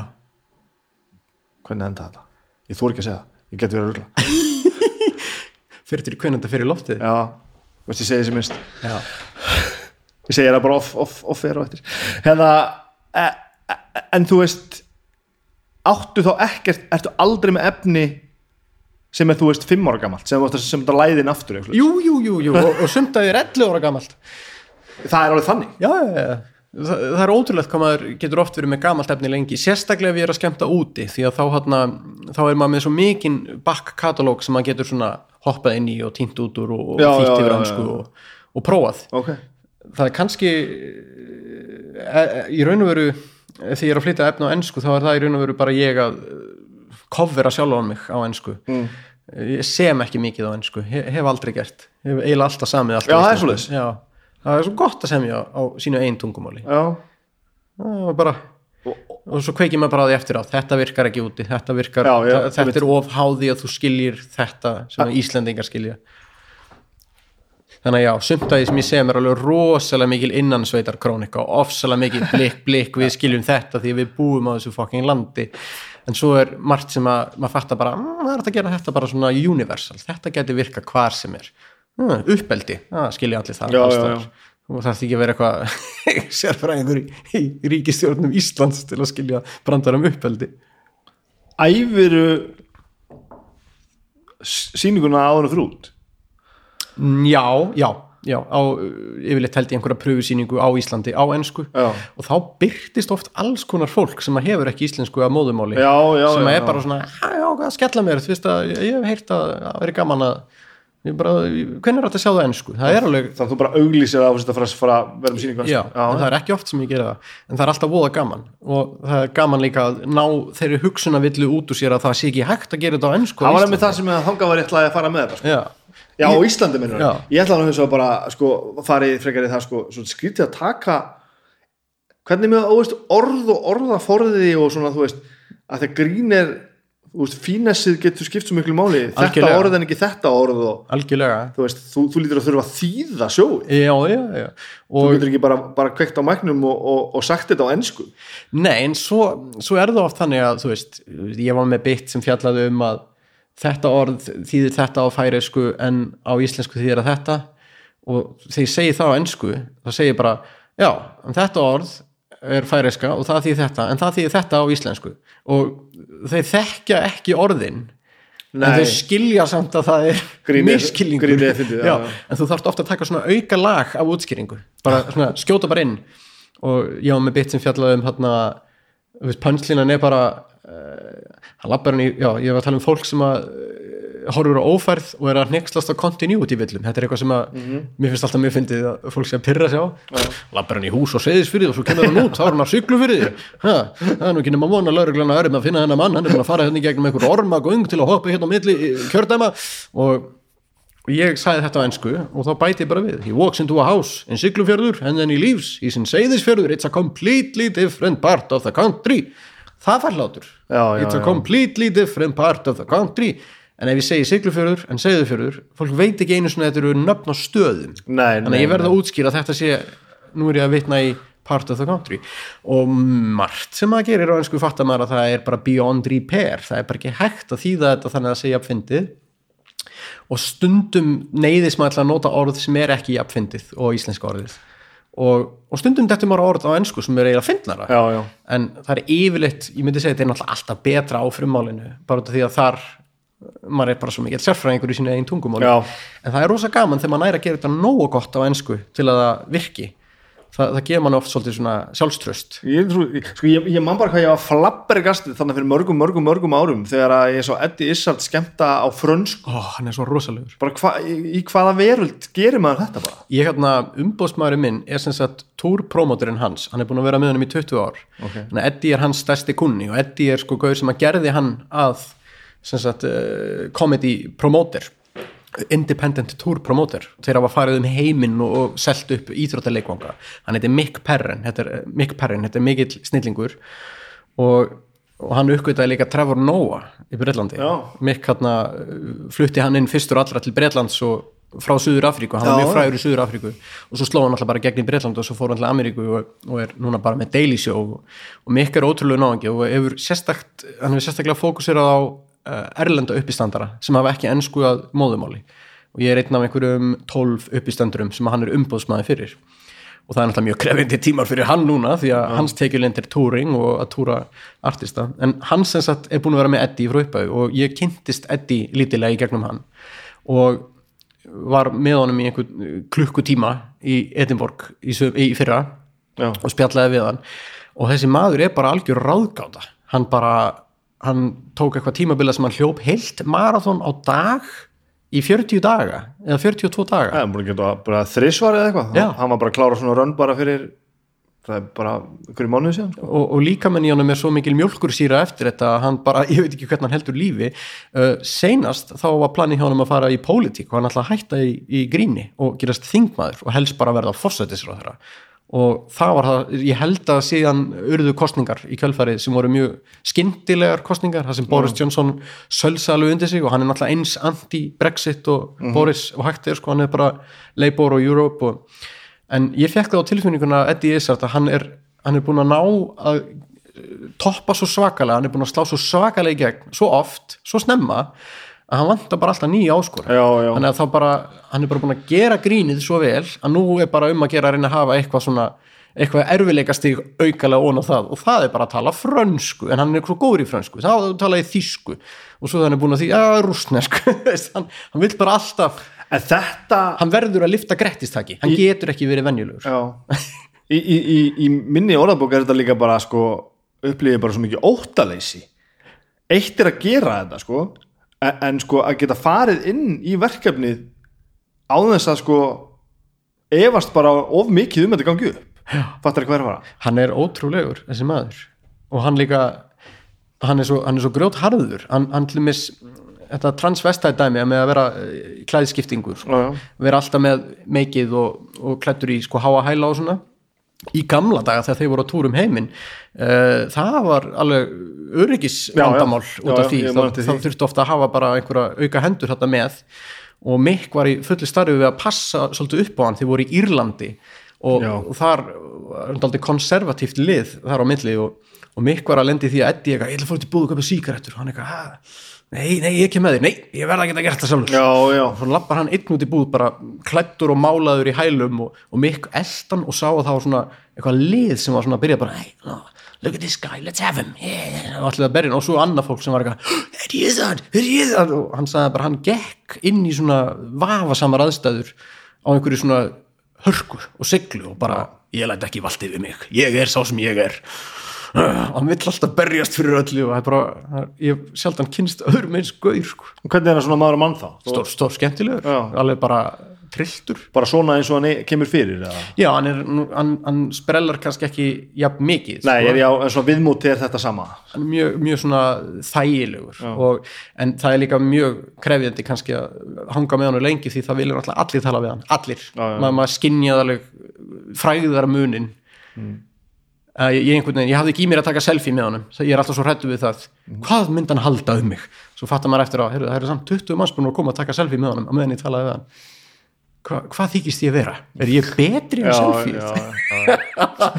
ég er ekki einn af þeim.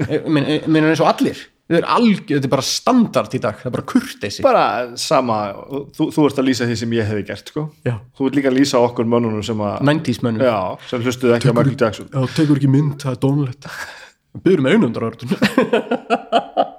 en sko þú að, hvað sagði þú, byrjaðist 2009 Já, uh, og þú ert að tala með þetta sé svona uh, og upplýst þessu eitt tímabil.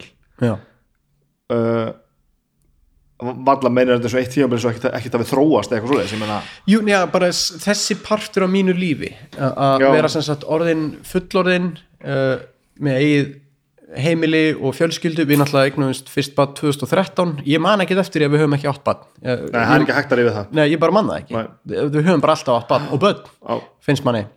Þessi tími bara frá því að einhvern veginn ég varð bara svona sjálfstætt starfandi grínisti mér finnst þetta allt vera sama tímabilið. Og mér finnst svolítið sjokkurandi að þessu komin 11 ár, eiginlega trúið ekki.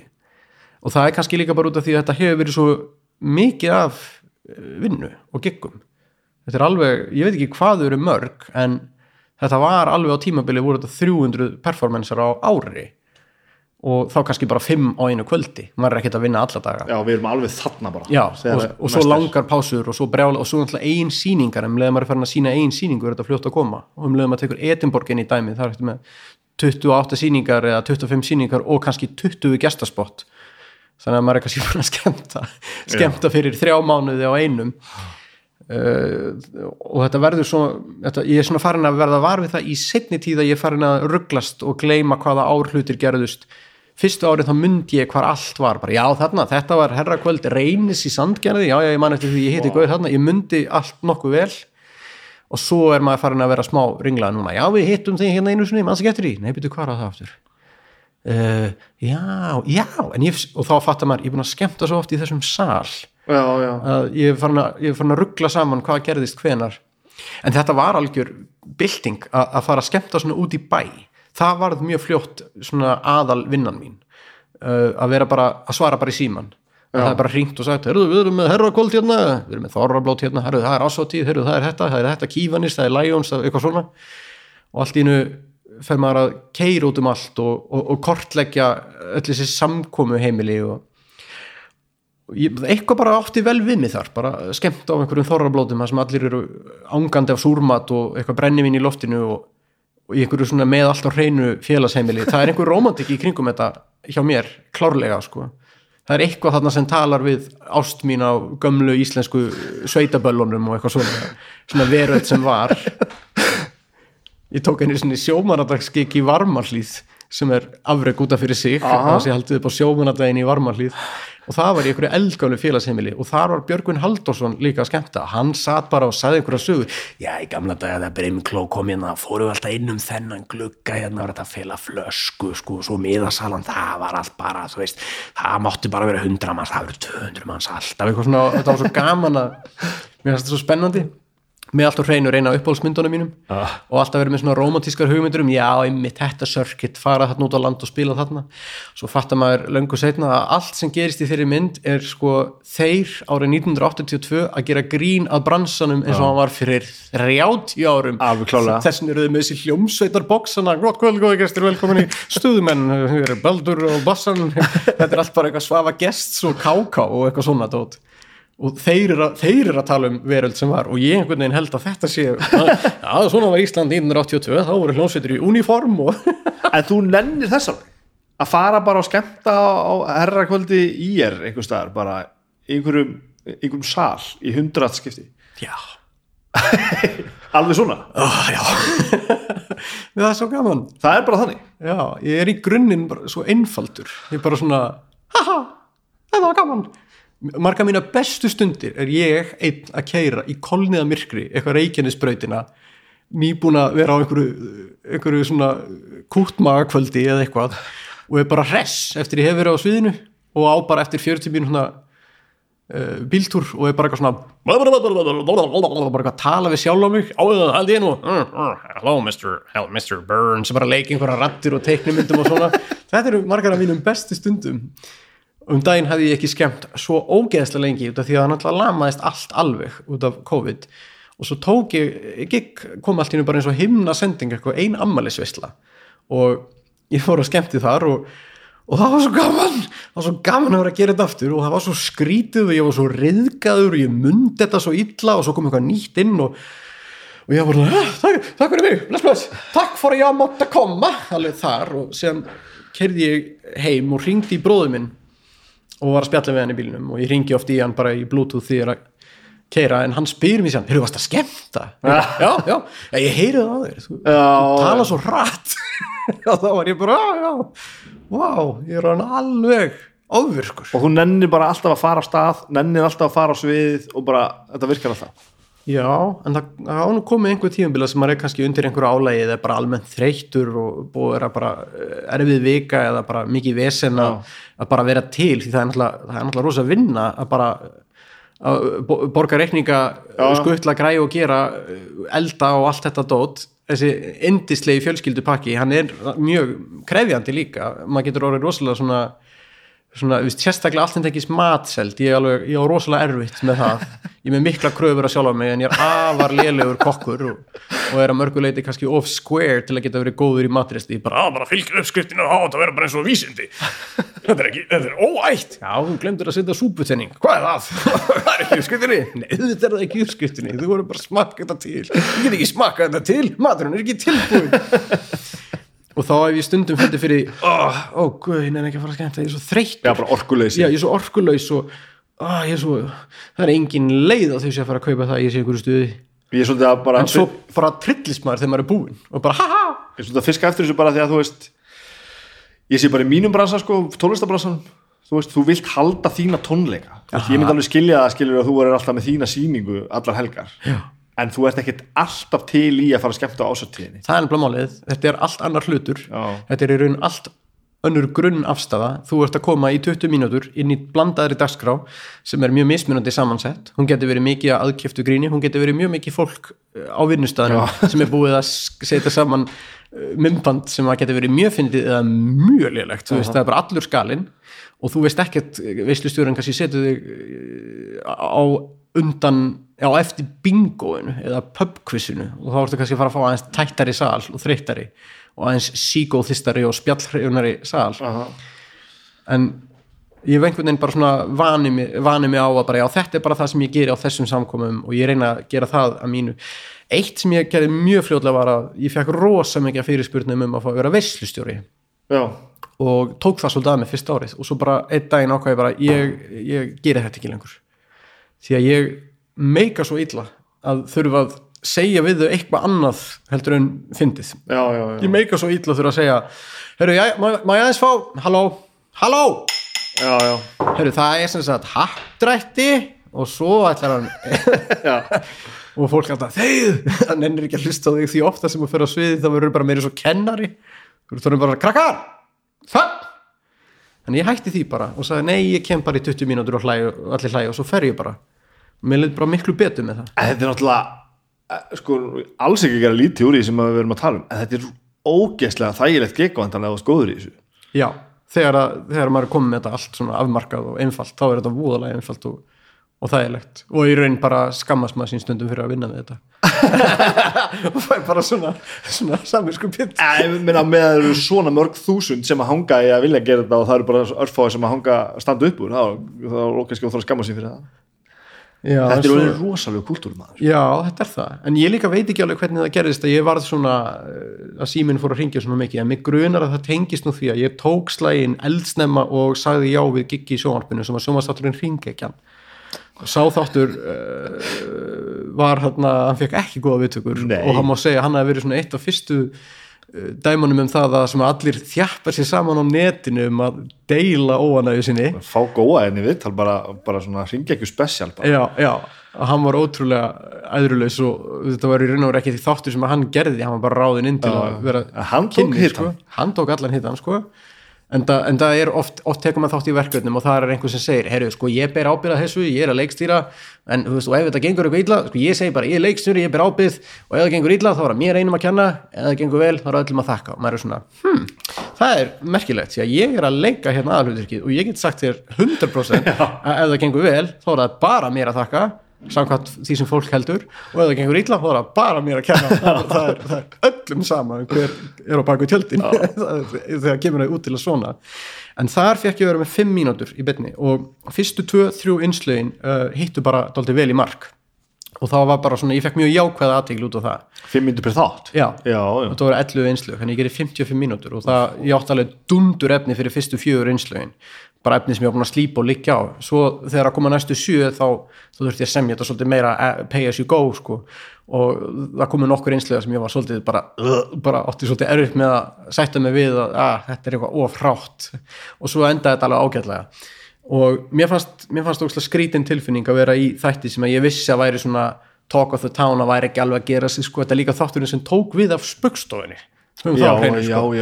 og var bara svona hend í hann með mánaða fyrir bara en þetta gerði það verkum að bara ég tók eftir í allt í nú voru börn farin að lappa upp að mér að segja hérna, hörru, getur þú leikið hana geitungana það er úkslega fyndið, geitungana og ég bara, börn, hafa börn gaman að mér? Ha, wow og þá skildi maður allt í nú, þetta var með 40% áhorf eða eitthvað.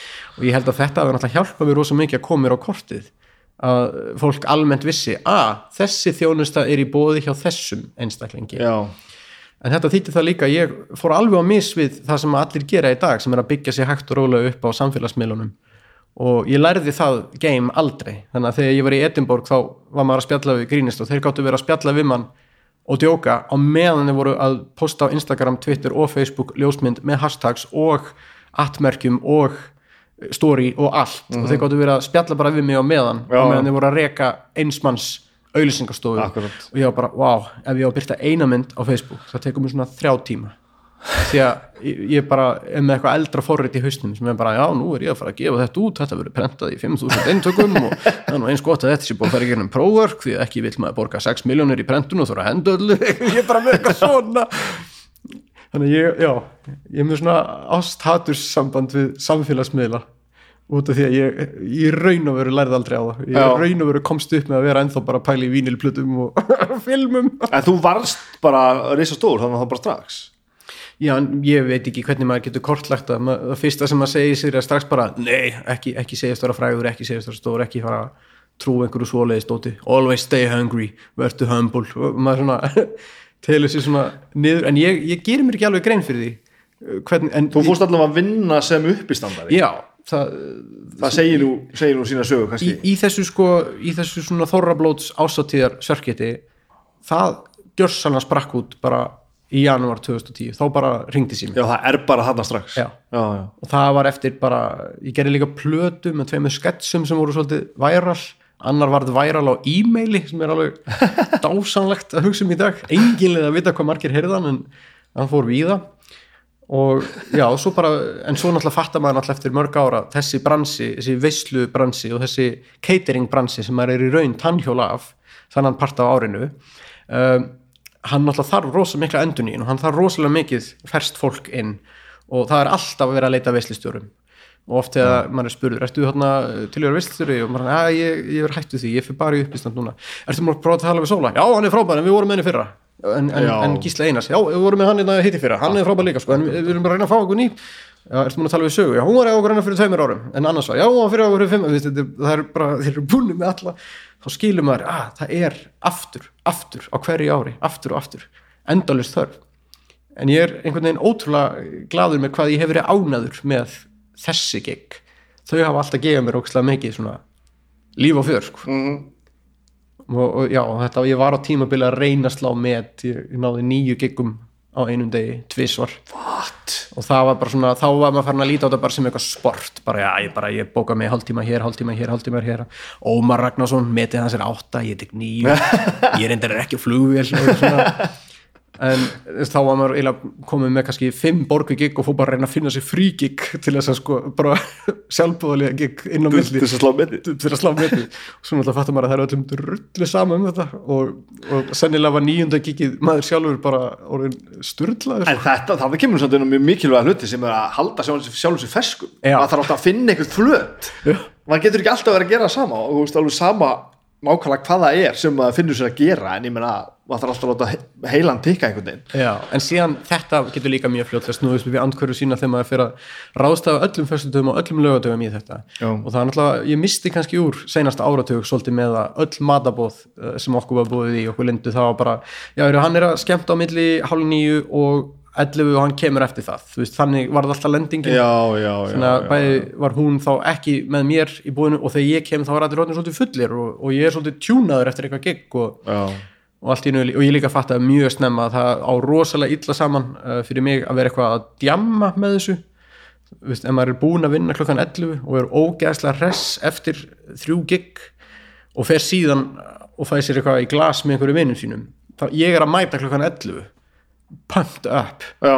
og meðan allir aðrir eiga kannski eftir 2-3 tíma á tankinum þá ég get alveg verið bara í alla nótt þessuna því ég er svo æstur já, já. Og- allt adrelinni á, Já. á tanknum þannig að eftir, svona, eftir að hafa nokkur sinnum upplegað það að það hafi verið aðeins svo lengi úti bara til maður kom svo seint og var svo adrenalínaður þá fattaði ég bara nei, þetta er ekki alveg þetta talar ég ekki saman þannig ég hætti eiginlega alveg að djamma líka eftir að ég byrjaði að skemmta orkan, bara heilt, yfir bara. já, Já. orkan bara svo, svo, fór svo mikil orka í þetta. Ég hef bara, ég hef engu orku í vera þunnur. Það var alveg svona mitt þing þegar ég var yngri sko, að, að djamma, vera ógeðslega hress og vera ógeðslega þunnur og reyna að vera ógeðslega hress í þingunni. En í dag sko, þinga er sennilega versta sem ég veit. Bara, það er bara ég bara, ég þólaði ekki. Ég, ég verð svo Það er skemmt, þú skemmtir aldrei fullur? Nei, já, vá, ég sko ég held alltaf að ég væri maður sem að þólir áfengi ásvölega vel en staðrendinu er svo ef ég drekk eitt bjór finn ég á mér. Og það hefur strax áhrif á hvernig ég tala.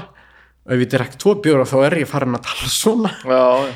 það er eitthvað svona rosalega augljóst. En, en heilin virkar samt eða hvað valla, Já, þú, já. missir, þú missir rosa einbeitingu mér finnst það ógeðslega óþægilegt sko. en alltaf, þetta er samt aðeins öðruvísi í Edinborg því þar eru alltaf allir að fá sér einn og einn bjór Mhm. það er svo sem ekkert issue að fá sér einn bjór fyrir ekki, en ég verð pínu þreyttur ég verð pínu dauður í augunum Já. ég verð pínu svona mm, ekki alveg og oft þarf maður bara svolítið að slaka á þegar maður er búin að þessu sko. en þetta eru hlutir sem að þegar ég fyrir að tala um þá þá fæ ég alltaf svona paranói bara, nennir einhver að hlusta á þetta þetta er svo mikið baksviðs og svo mikið uh, bara uh, smiður að tala um verkfæri þú veist, Þetta er sem tala um núna. Finnst þér finnst þér ekki gaman að tala um þetta? mér finnst mjög gaman að tala um það Já, en, þetta- en ég, ég breytist bara í Flosa Þorgirsson þegar ég er búin að tala um þetta Já, heldur einhver að áhuga á þessu Þetta er náttúrulega- Jæja þá Þetta er náttúrulega það sem er skemmtilegast að velta fyrir sér það er hvernig manneskan sem gerir hlutina vel hvernig hún nálgast þetta Já. það er svo frábært sko. þannig að, já, mér finnst þetta mjög ég til dæmis hefði giskað á það að þú væri nú alltaf svona með svona 1-2 í þér sko. Þetta- sko sum ár sem ég mjög lítið og gengur illa að semja og sum ár er ég með skrifteppu og sum ár er ég uh, rosa góður. Og ég, bara, ég, ég get uh, flett upp árunum í hausnum á mér og munað hvernig mér gekk hilt yfir það árið og hvað ég samti mikið það árið. Og ég man alveg að 2013 var ótrúlegt ár en þá átti ég svo mikið efni frá 2011 og 12 og var að semja mjög mikið. 2014 uh, var ótrúlegt ár líka en ég var farin að ströggla eins við að semja nýtt. Átputið minkaði en ég átti inni alltaf ein og eina bombu einn og einn hittara sem að kom. 2015 er ár þar sem ég átti bara erfitt með að semja yfir höfuð og eiginlega ekkert frá því ári lifir af í prógraminu, eiginlega ekki neitt. Já, það er eiginlega allt horfið. Því að það er bara svona það er eins og Weezer með Pinkerton þeir spiluðu ekkert af henni. Þeir skömmu sín fyrir hana í nokkur ár. En ólíkt Pinkerton þá er 2015 dóttum mitt ekki að fara að vera að grafa upp á einhverju fólki sem segir þetta er í raun besta grínið. Best að vísa på það. Já, frábær sko. og 2016 er ár það sem ég samdi og samdi og samdi og samdi og var einhvern veginn bara í gýr að reyna að kl klóra sjálfa með tilbaka. Þetta eru hlutir sem svona út af við enginn er að pæli og enginn veit af, þetta eru bara hlutir sem eru í haustum að mér, en ég man alveg svona leið mér og ég man að outputið mitt 2016 var rosalegt. Ég sandi rosalega mikið. Og svo 2017 er árið sem ég fór að flytja alltaf á ennsku og fara út. Og þá samti ég mjög lítið. Þá minkaði outputið mjög mikið. Því ég var svo mikið í því að þýða og flytja eldra efnið. Og það sem heldur svona fersku dóti hjá mér það er að vera með þessa áramóta sýningu það er bara, ég get sami klukkutíma fyrir hana. En ég myndi ekki ná að semja klukkutíma jæmt og þjátt yfir árið ef ég væri bara skemmt át í bæ bara hvatinn til þess að halda þig við það sem þú kant er svo sterkur. Að þú vilt síður lauma inn dóti sem þið þykir svolítið væntum en er ekki tilbúið fyrir fram að fólk sem að kann ekki með það. Kann ekki með það. Og, þú vilt eiginlega bara fara beint í hittarana. Bara þú lappar inn í eitthvað svona drukkið ásattíða og þú vilt bara gera bum bum bum bum bum veit þetta virkar, veit þetta virkar, veit þetta virkar. Og nýja bitið þitt sem hefur smá trú á það er bara svona, svona lítið bann sem þú þarf bara hjúfra um og, og passa upp á og þú vilt ekki henda þig fyrir úlvana strax. Það, þú veist ekki hvort það oft er að þóla það. Þannig að en þegar þú heldur þína eigin síningu getur þú leftið miklu meira því það er fólk algjörlega komið til þess að leifa þér að komast upp með alls konar dindi og þá náttúrulega semur maður oft meira. En þetta er alltaf tókstræta, alltaf. Bara gamalt nýtt, Ertu- nýtt gamalt. Já, ertu með eitthvað, þú veist sér eitthvað munstur í því hvenær þú farið þess að teppu og hvenær gengur vel að koma frá sér efni og svo? Ég hef ekki alveg náð að bera kennsla á það ennþá en ég tel að þetta tengist því svolítið hvað ég geri utan vinnunar um, því meira sem að skemmtir uh, því upplöfari sem að verður sem ég grínisti uh, þe- þeim mun líklegara er að þú verður uppi skroppa með substans sem er þitt venjulega líf. Já, og þitt venjulega líf og þín samskipti við vini, vandamenn uh, ættingja. Það vanti bara bensín á tankin bara, bara fóður í heilan bara. já, og maður hefur tekið eftir að maður er búin að skemmta þessu brjálaði einhverju heilt ár og eiga ótrúlega gott rönn allir nema bara, hvað, mér finnst ekkert um neitt lengur? Nei, nei, nei. Hvenar hataði ég seinast eitthvað akkur hataði ég ekki lengur neitt? Akkur hataði ég ekki krít?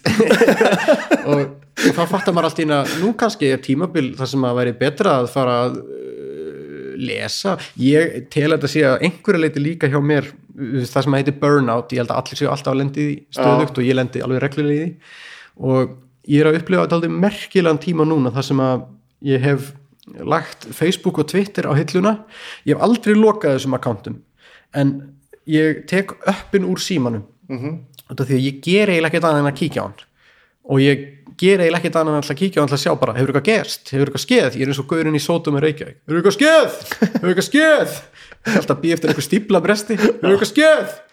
Það er er bara ég, bara 200 sinnum á dag sit ég, eitthvað órólegur kíkja á síman, hm, notification. Hm. ég er búin að slökka um í símanum en ég fer samt inn í appið til að íta litla rauða djöfulstakkan sem er ekki hægt að slökka á. Og það er bara, hm, you were invited to an event uh, tagged a photo of you, en mjög sjaldan eitthvað tagged a photo of you, þetta er bara eitthvað drasl, drasl, drasl, drasl, en ég íta á það allt því það er ekki hægt að gera mark all is red á símanum.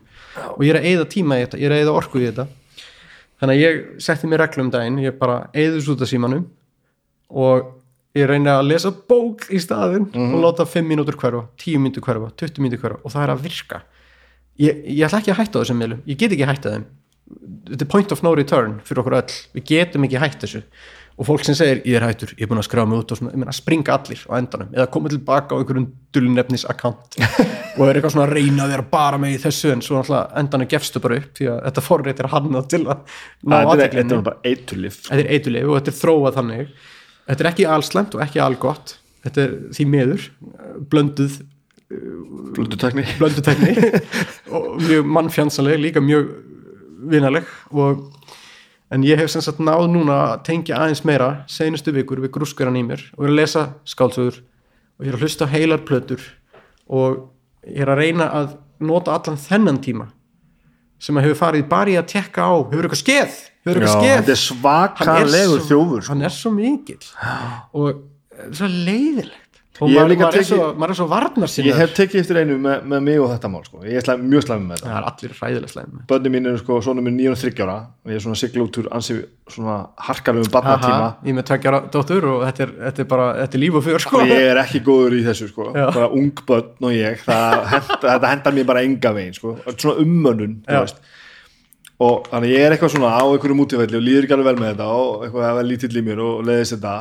Og ef ég er illa fyrir kallaður þá finn ég alveg svona að börnum mín byrja eitthvað að bombardera mig sko.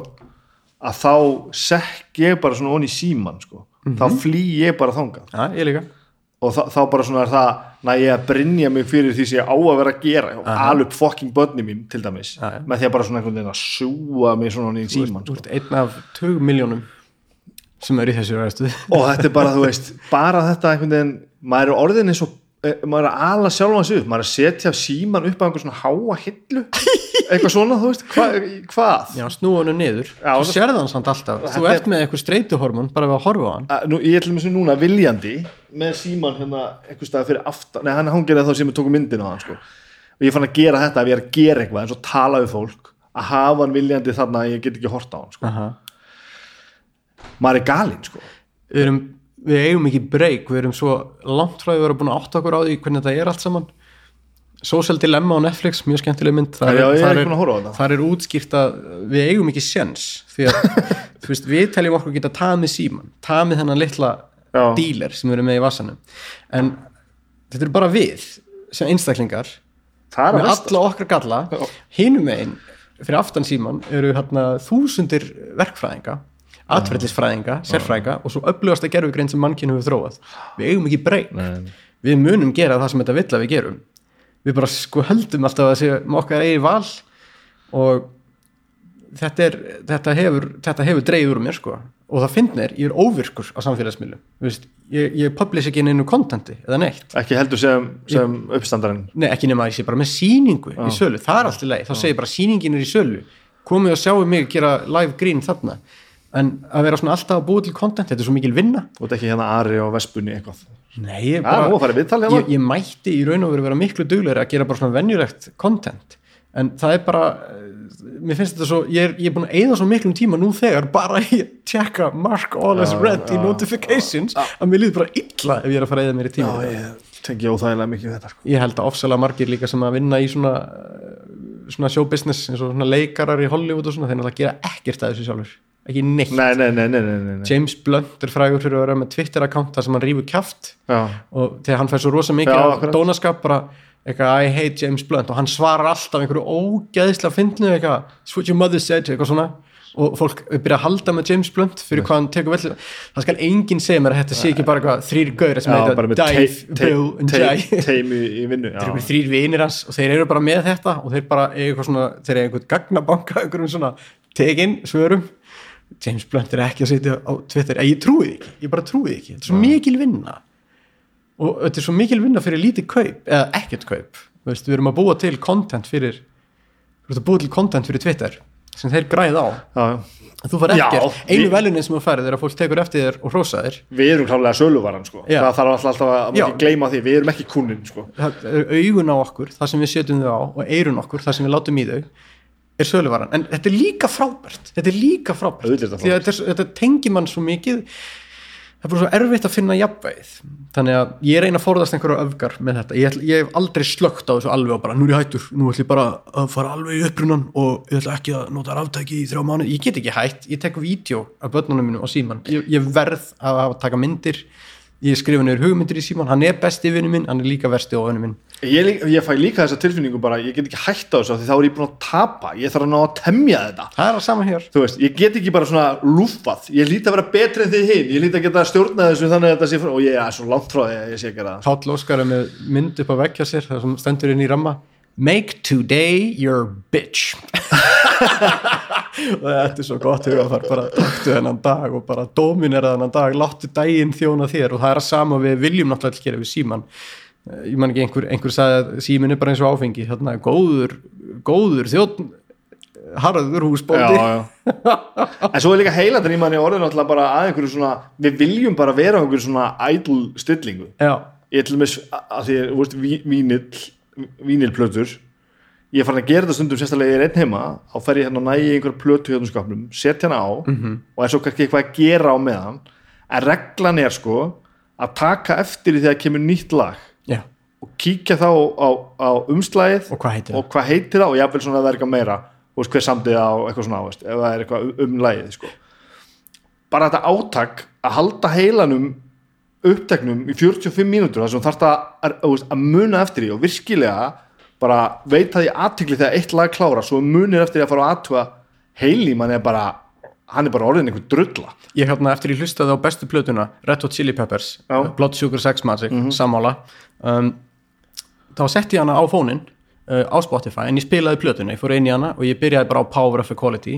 Og ég hlustaði á hana alla í gegn. Og var að leika við dóttur mín þetta var bara í bakgrunni en ég hlustaði á hana alla og fattaði að mjög langt sinni ég hlustaði á hana alla. Og ég vissi alltaf hvaða var að koma næst og, ég, og það rifjaðist bara svo mikið upp fyrir mér að svona var þetta, maður bara hafa hann í gangi hlustaði á hana alla. Maður nefndi ekki að standi því að forrita geislaspilaran til þess að gera þetta. Maður bara hlusta á hana bara í gegn og þess vegna kann ég öll þessi lög. Ég myndi aldrei hafa hlusta á hana alla ef ég hef kynst þeim í gegnum Spotify og farið bara í gegnum suggestions og algoritma og eitthvað svo leiðis og ég hef svo gaman af þessum skrýtnu lögum á henni veist, Mellowship, Slinky B Major og allt þetta dot. Og það fattaði bara vá hvað þetta var mikill flotti og, og, og indislegt að Já. hlusta á heila plötu og kunni utan að öll trommubreikin og að vera að æfa mig á trommur við þessa plötu og eitthvað svona ah, ég, ég elska þetta.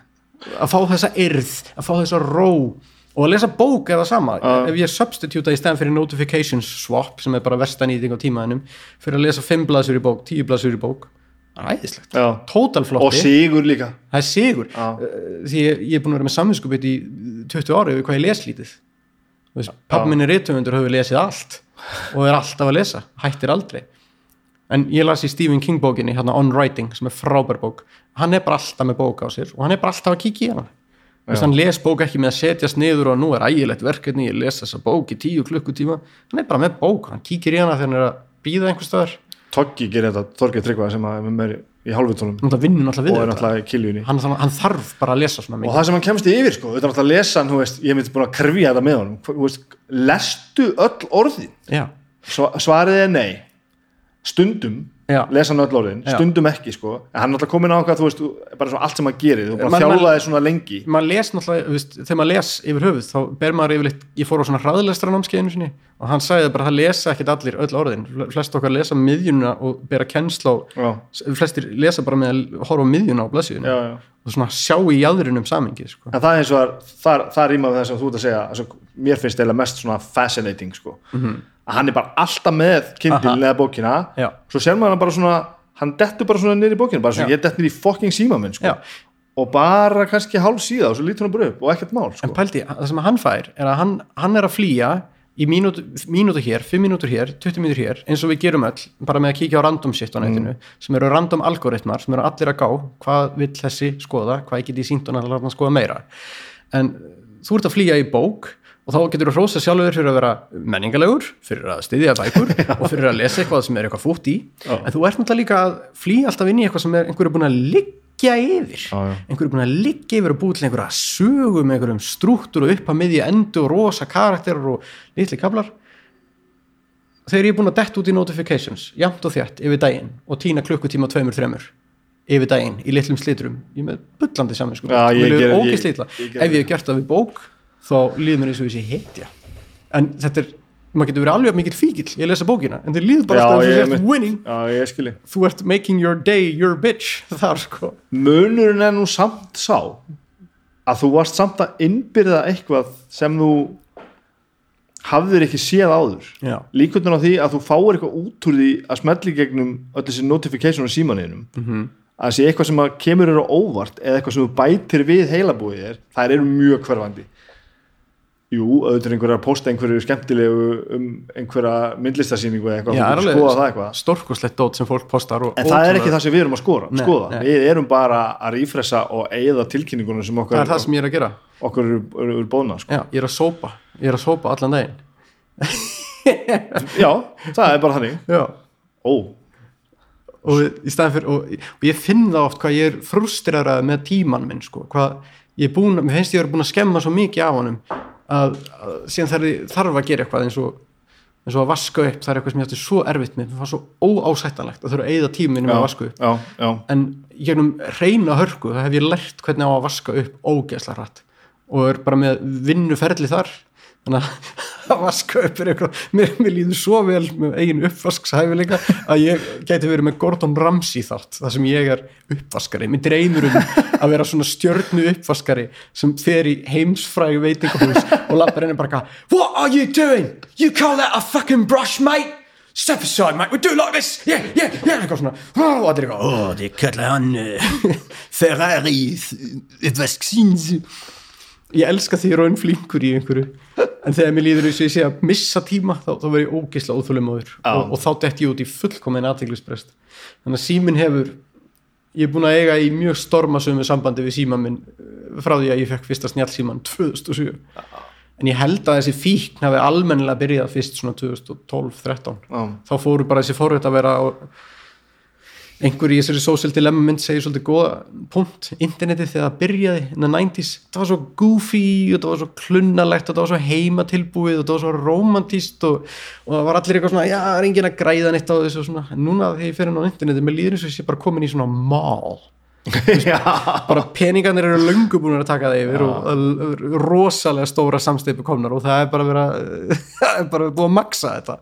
En eins og það var þegar maður byrjaði að fara það geocities.com þú þurftur líka að kunna eitthvað pínu. Smá. Það, það var svona betra, þú veist, það var alltaf einhver svona vinu sem bara, nei sko, þú gerir svona sko, Já, og það var svona command, já, það var alltaf eitthvað skill sko, að, það er ekki skill núna að fara, fara Ó, ég elska svona leifara gamla internetinu GeoCities, ég elska svona eins og heima síðan Gill og Æs þetta er svona, þannig, það voru allir með þannig síðu í gamla dag hversu guðmur allir síðan að skilfa sig ég er bara trú- Eldgömul. er það, er hún ekki bara sko, hún er það gömul að tímabili var það þannig að maður fór inn á hana þá, þarna, bróður minn sagði að hann hefði fengið bara svona varúð meldingar í brásirnum sem var bara svona eins og vegagerðin á internetinu bara varúð, þú ert að fara inn á mjög gamlan hluta af internetinu. Passaði þig að lenda ekki í einhverju slísi veginn þetta er mjög gröðdóttir þú getur keirt tölvuna inn út af í GeoCities malarvegnum. Má ég spóla aðeins með hérna aðeins bara hérna ég, hvernig er að vera veist, sonur rittöfundar og, og aðeins í svona.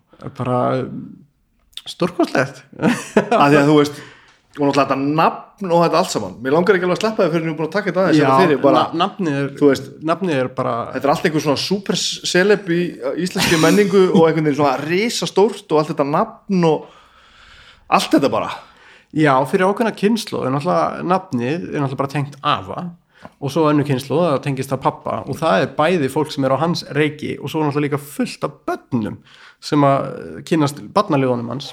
Þannig að þetta er náttúrulega ótrúlega þægilegu referenspunktur til að hafa. Fólk viti bara strax eldjátt, betur þetta skildur, já, þá, já, ok, já, þá, já, Kristi, já, og þá farist, fólk segi strax ég þekki þennan eða þetta, við höfum þessa tengingu.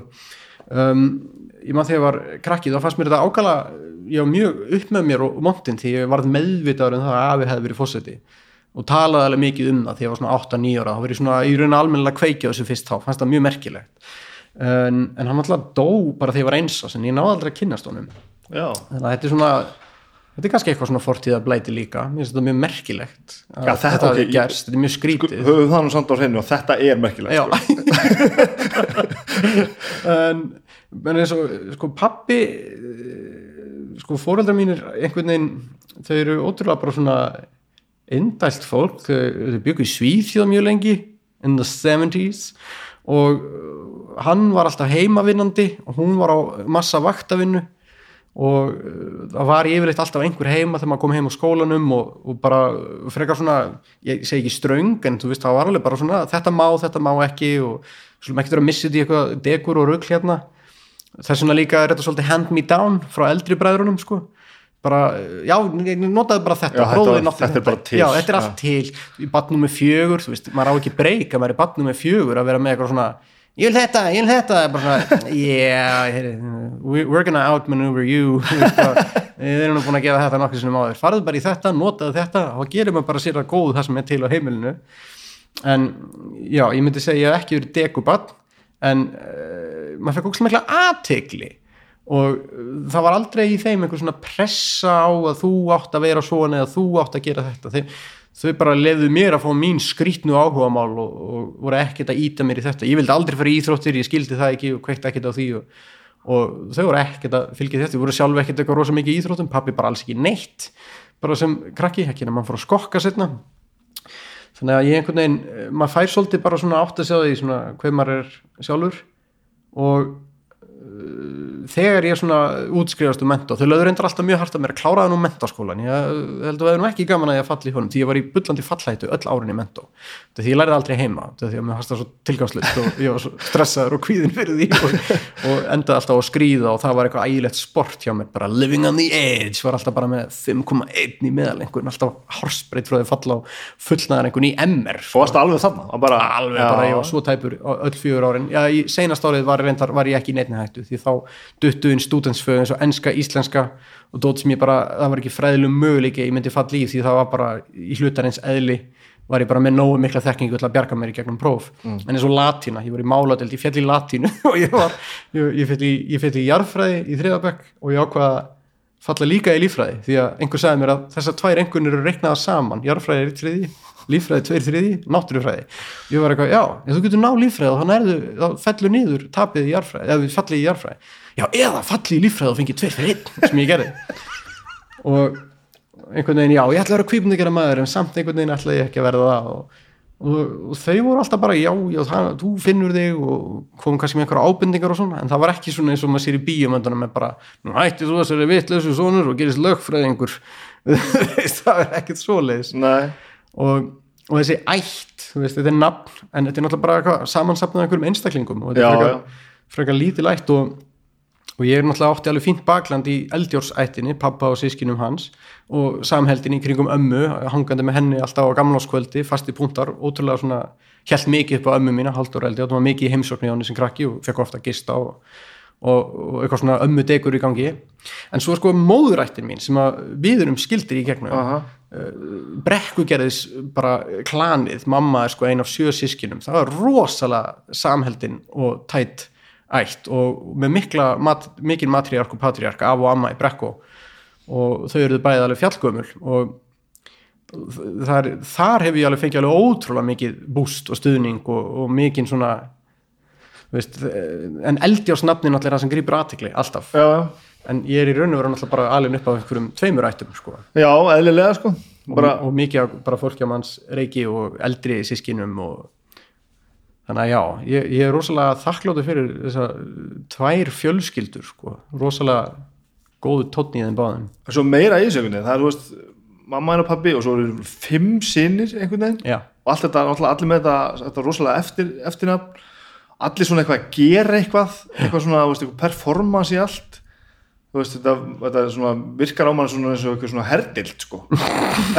Það fattar hvað er að fara. Ekki, ekki, kannski herdild er ekki rétt árið en svona einhvern veginn, já en, en það er einmitt öfugt, þetta er algjörlega kaotíst og, Já. og bara ofsalega light touch svona parenting sko, og, og náttúrulega út af við er hægt að stilla því upp þannig. Þetta hljómi svona eins og já, þetta er eitthvað svona elite forces sem er búið að búa til hann Já, ég kannski íkjæta þess, Já, þú, þú, þú fattar hvað er að fara. Já, en þetta er, uh, þú veist, við raun og veru, við erum allir keimlíkir við bræðurnir, en við erum líka allir ólíkir. Já, en uh, deilum alveg svona ákveðnum grunngildum og, og grunn nostalgíu og grunn húmor og við erum mjög, mjög svona tætt en þetta er þarna, já, hver var spurningin? Hvernig er að vera er- það er og rithöfundarins? spurningin er kannski engin sko, heldur bara það var bara að fá einhverja insýn í það þetta var bara alltaf ótrúlega þægilegt að heita þessu nafni því það vissu bara alltaf allir strax hver ég var Já. það var bara mjög létt þegar maður bara fór og kynnti sig einhvers staðar og bara byttu nú við, þú heitir þetta. Og þetta er náttúrulega eitthvað sem að er beauty við að vera með ættana og þetta er náttúrulega ástæðan fyrir að fylgta fólki vill vera með ættana Já, já, það er að þú getur kentið við eitthvað klan. Og uh, ég held sko að langafi minn hafi náð að lögfesta þetta sem ættana bara rétt áður en að lögunum var breytt fyrir sko 100 árum rúmlega. Það er bara hreinlega hessbaki og fengið þetta bara að skrifa undir þetta hjá einhverjum fókenda eða eitthvað sko. Því að ný ættunöfn voru sem bara einhvern veginn heyrðu sögunni til. Er það bara eitthvað sem hann, sem hann bara valdi sér? Nei, það var búið að vera í fjölskyldinni fólk hafði heitið þetta, þetta er sérnafn líka þú getur heitið Eldjátt bróður minn heitin, hann heit sko Kristján Eldjátt Eldjátt, hann heit Kristján Eldjátt Þóraðinsson Eldjátt getur heitið, þú getur heitið Eldjátt Eldjátt það getur ekki, maður getur ekki heitið Tóraðinsson Tóraðinsson, en þetta er nefnilega nafn líka, Og nefn, nefndu það það? já, og afi heitið þetta líka. Ha? já, held ég alveg öruglega, nú veit ég nú, nú var ég gott að hafa pappa með sér sko, því hann veit allt. Við getum flett í í ættfræði og veðurfræði sko, pappi veit allt um ættfræði, mamma veit allt um veðurfræði. Fyrir vikið veit ég eiginlega ekkert Já, já, um ættfræði veðurfræði því ég get alltaf bara spurt. Bara, veist, ég hef aldrei lært að fara inn á veður.is og að lesa eitthvað út úr þessum tölum. Ég ringi bara í mömmu og segja bara, hvernig verður veðrið hérna? Það verður ekki gott. Hvernig á ég orða þetta? Ég skal orða þetta um einhverju máli sem þú skilur það. Ekki fara í þetta flug. Hún vann hjá flugmálastjórn og alltaf ég er að fara að fljúa eitthvert að skemmta þá er hún búin að fara að tekka og, og sérstaklega er innanlandsflug þau geta verið mjög dodgy. Og hann er búin að segja, heyrðu, ég myndi að bakka upp plan uh, verður með bílalögu bílstamba mér líst ekkit á hana streng sem er að koma að hætta þú ert sennilega að fara að festast á Ísafjörði hún er með allt svona reynir. Og svo varst að segja að þið hefði fengið fullt af aðtikli, þið eru fimm hvernig elum maður um fimm börn og allir fá aðtikli þetta er náttúrulega yfir 19 ár sko. já, svona langt á milli. Já, þannig að sko og við vorum sko ég var yngstur í 10 ár og já, það er tíu ára á milli þín og, Halldórs. Já, já. og hann er sem sagt litli bróður minn. Hann er eini litli bróður minn.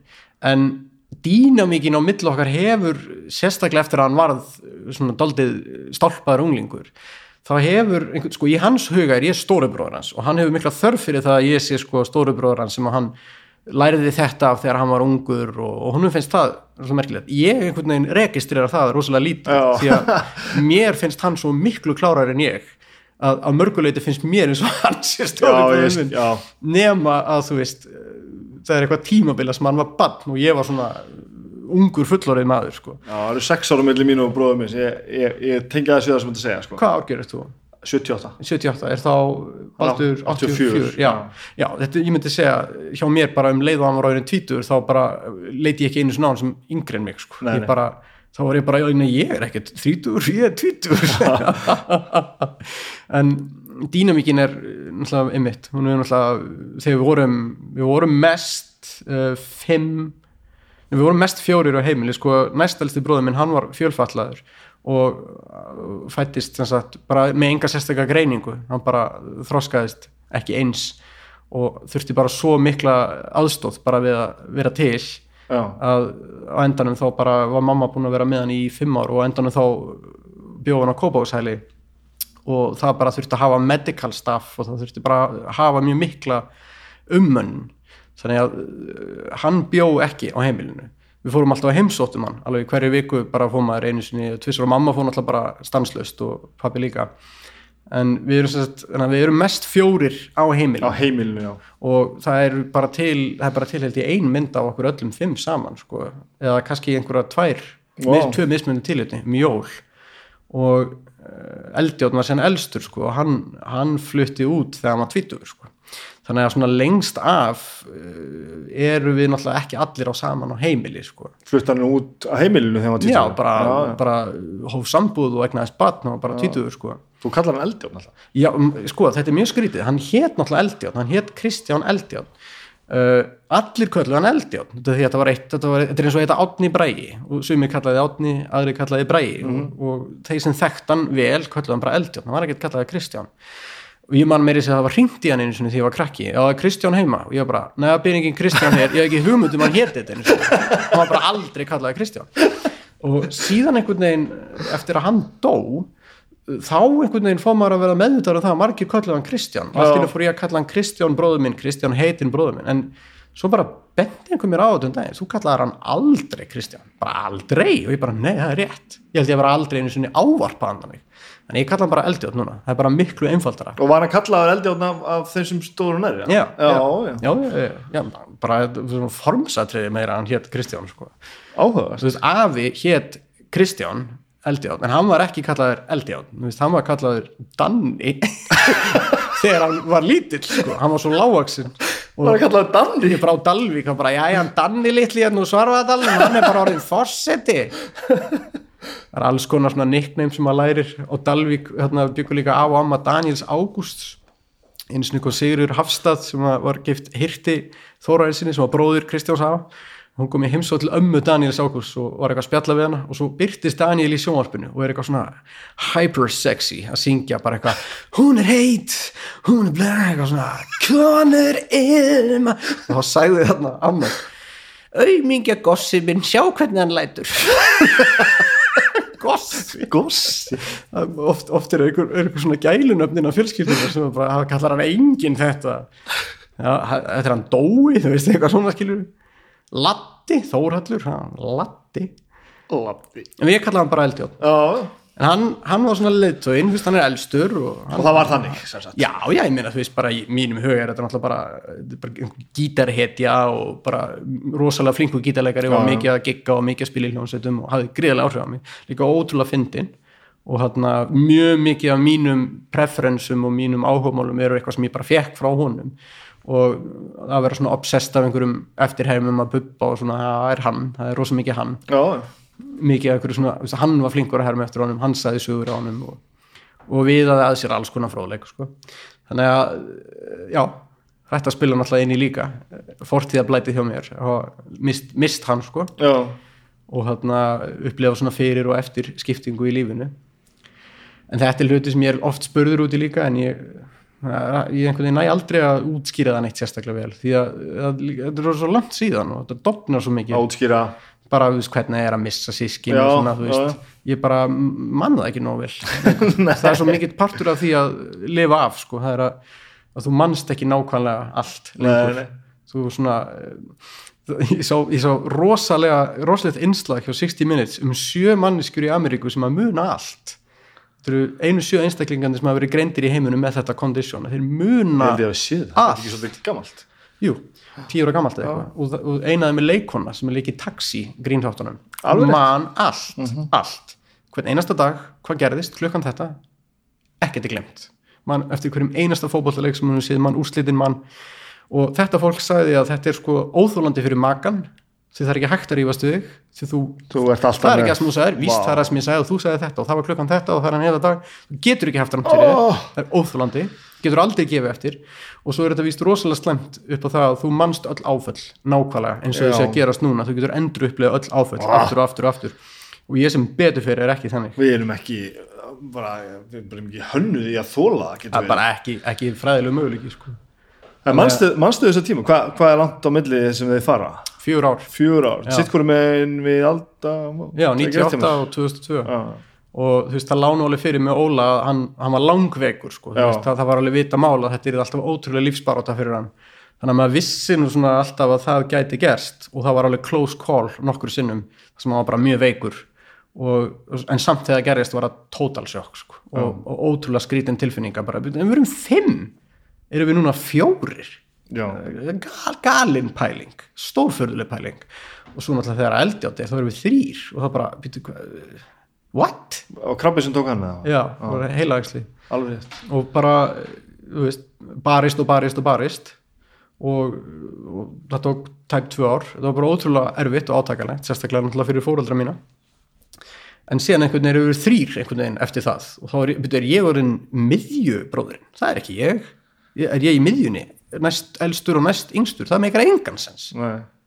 hver er ég? Þú veist, og, og Úlfur, hann er miðjubróðurinn hann er nú með þrjú þetta meikar ekki sens, en svo einhvern veginn bara.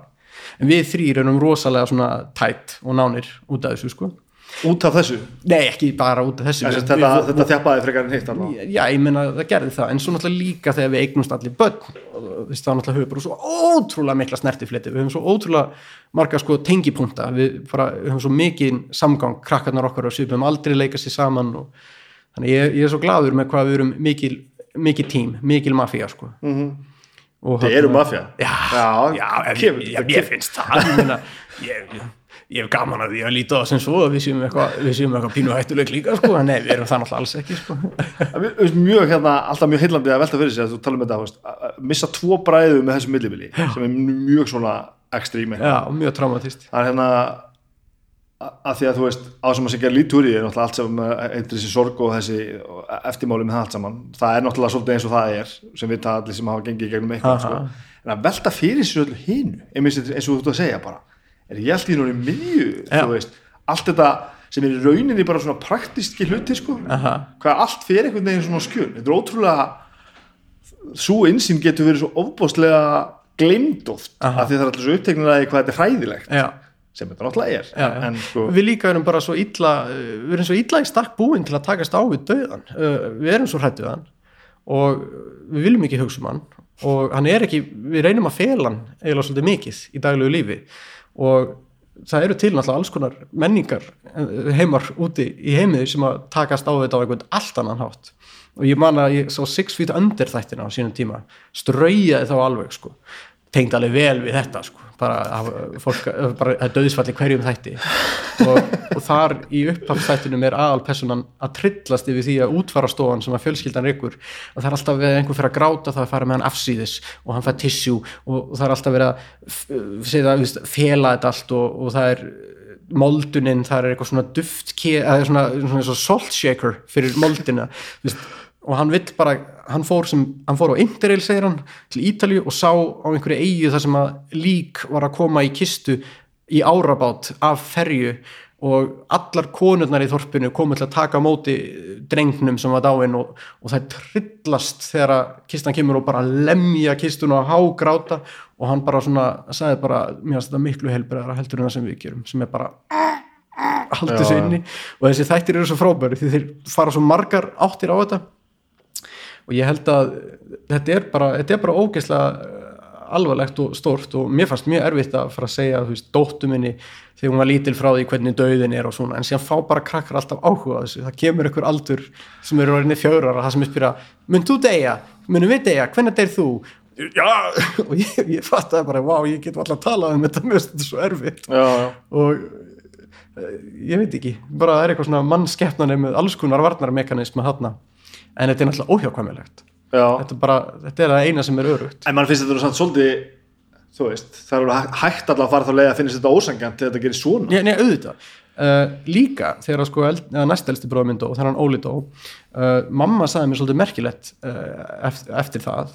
Það var í hennar ætt frá 1970 til 98 dó enginn.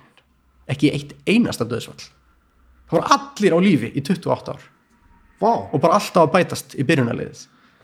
Bara það er rosalegt. Já, og hjá í pappa eitt sko þá þá dói sko afi dói 82 og langafi og langama dói bæði 80 og ég veit ekki um fleiri döðsfell og ég man að þegar ég var krakki þá hugsaði bara ég hef aldrei farið í jarðaför já, já.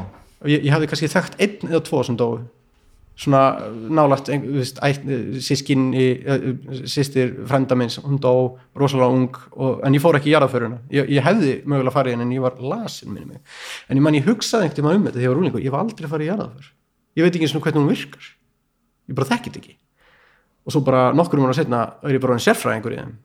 Bara, Já. bara, uh, bara jarða tvo bræður bara, bara veit hvernig allt dæmið fungerar sko og, og ég eiginlega núna man, alveg sem að eigna spöðn ég man ekki hvernig það var að hafa aldrei upplifað þetta. Nei, ég man það ekki. Nei. Nú, þetta er bara, þetta breytir öllu sko.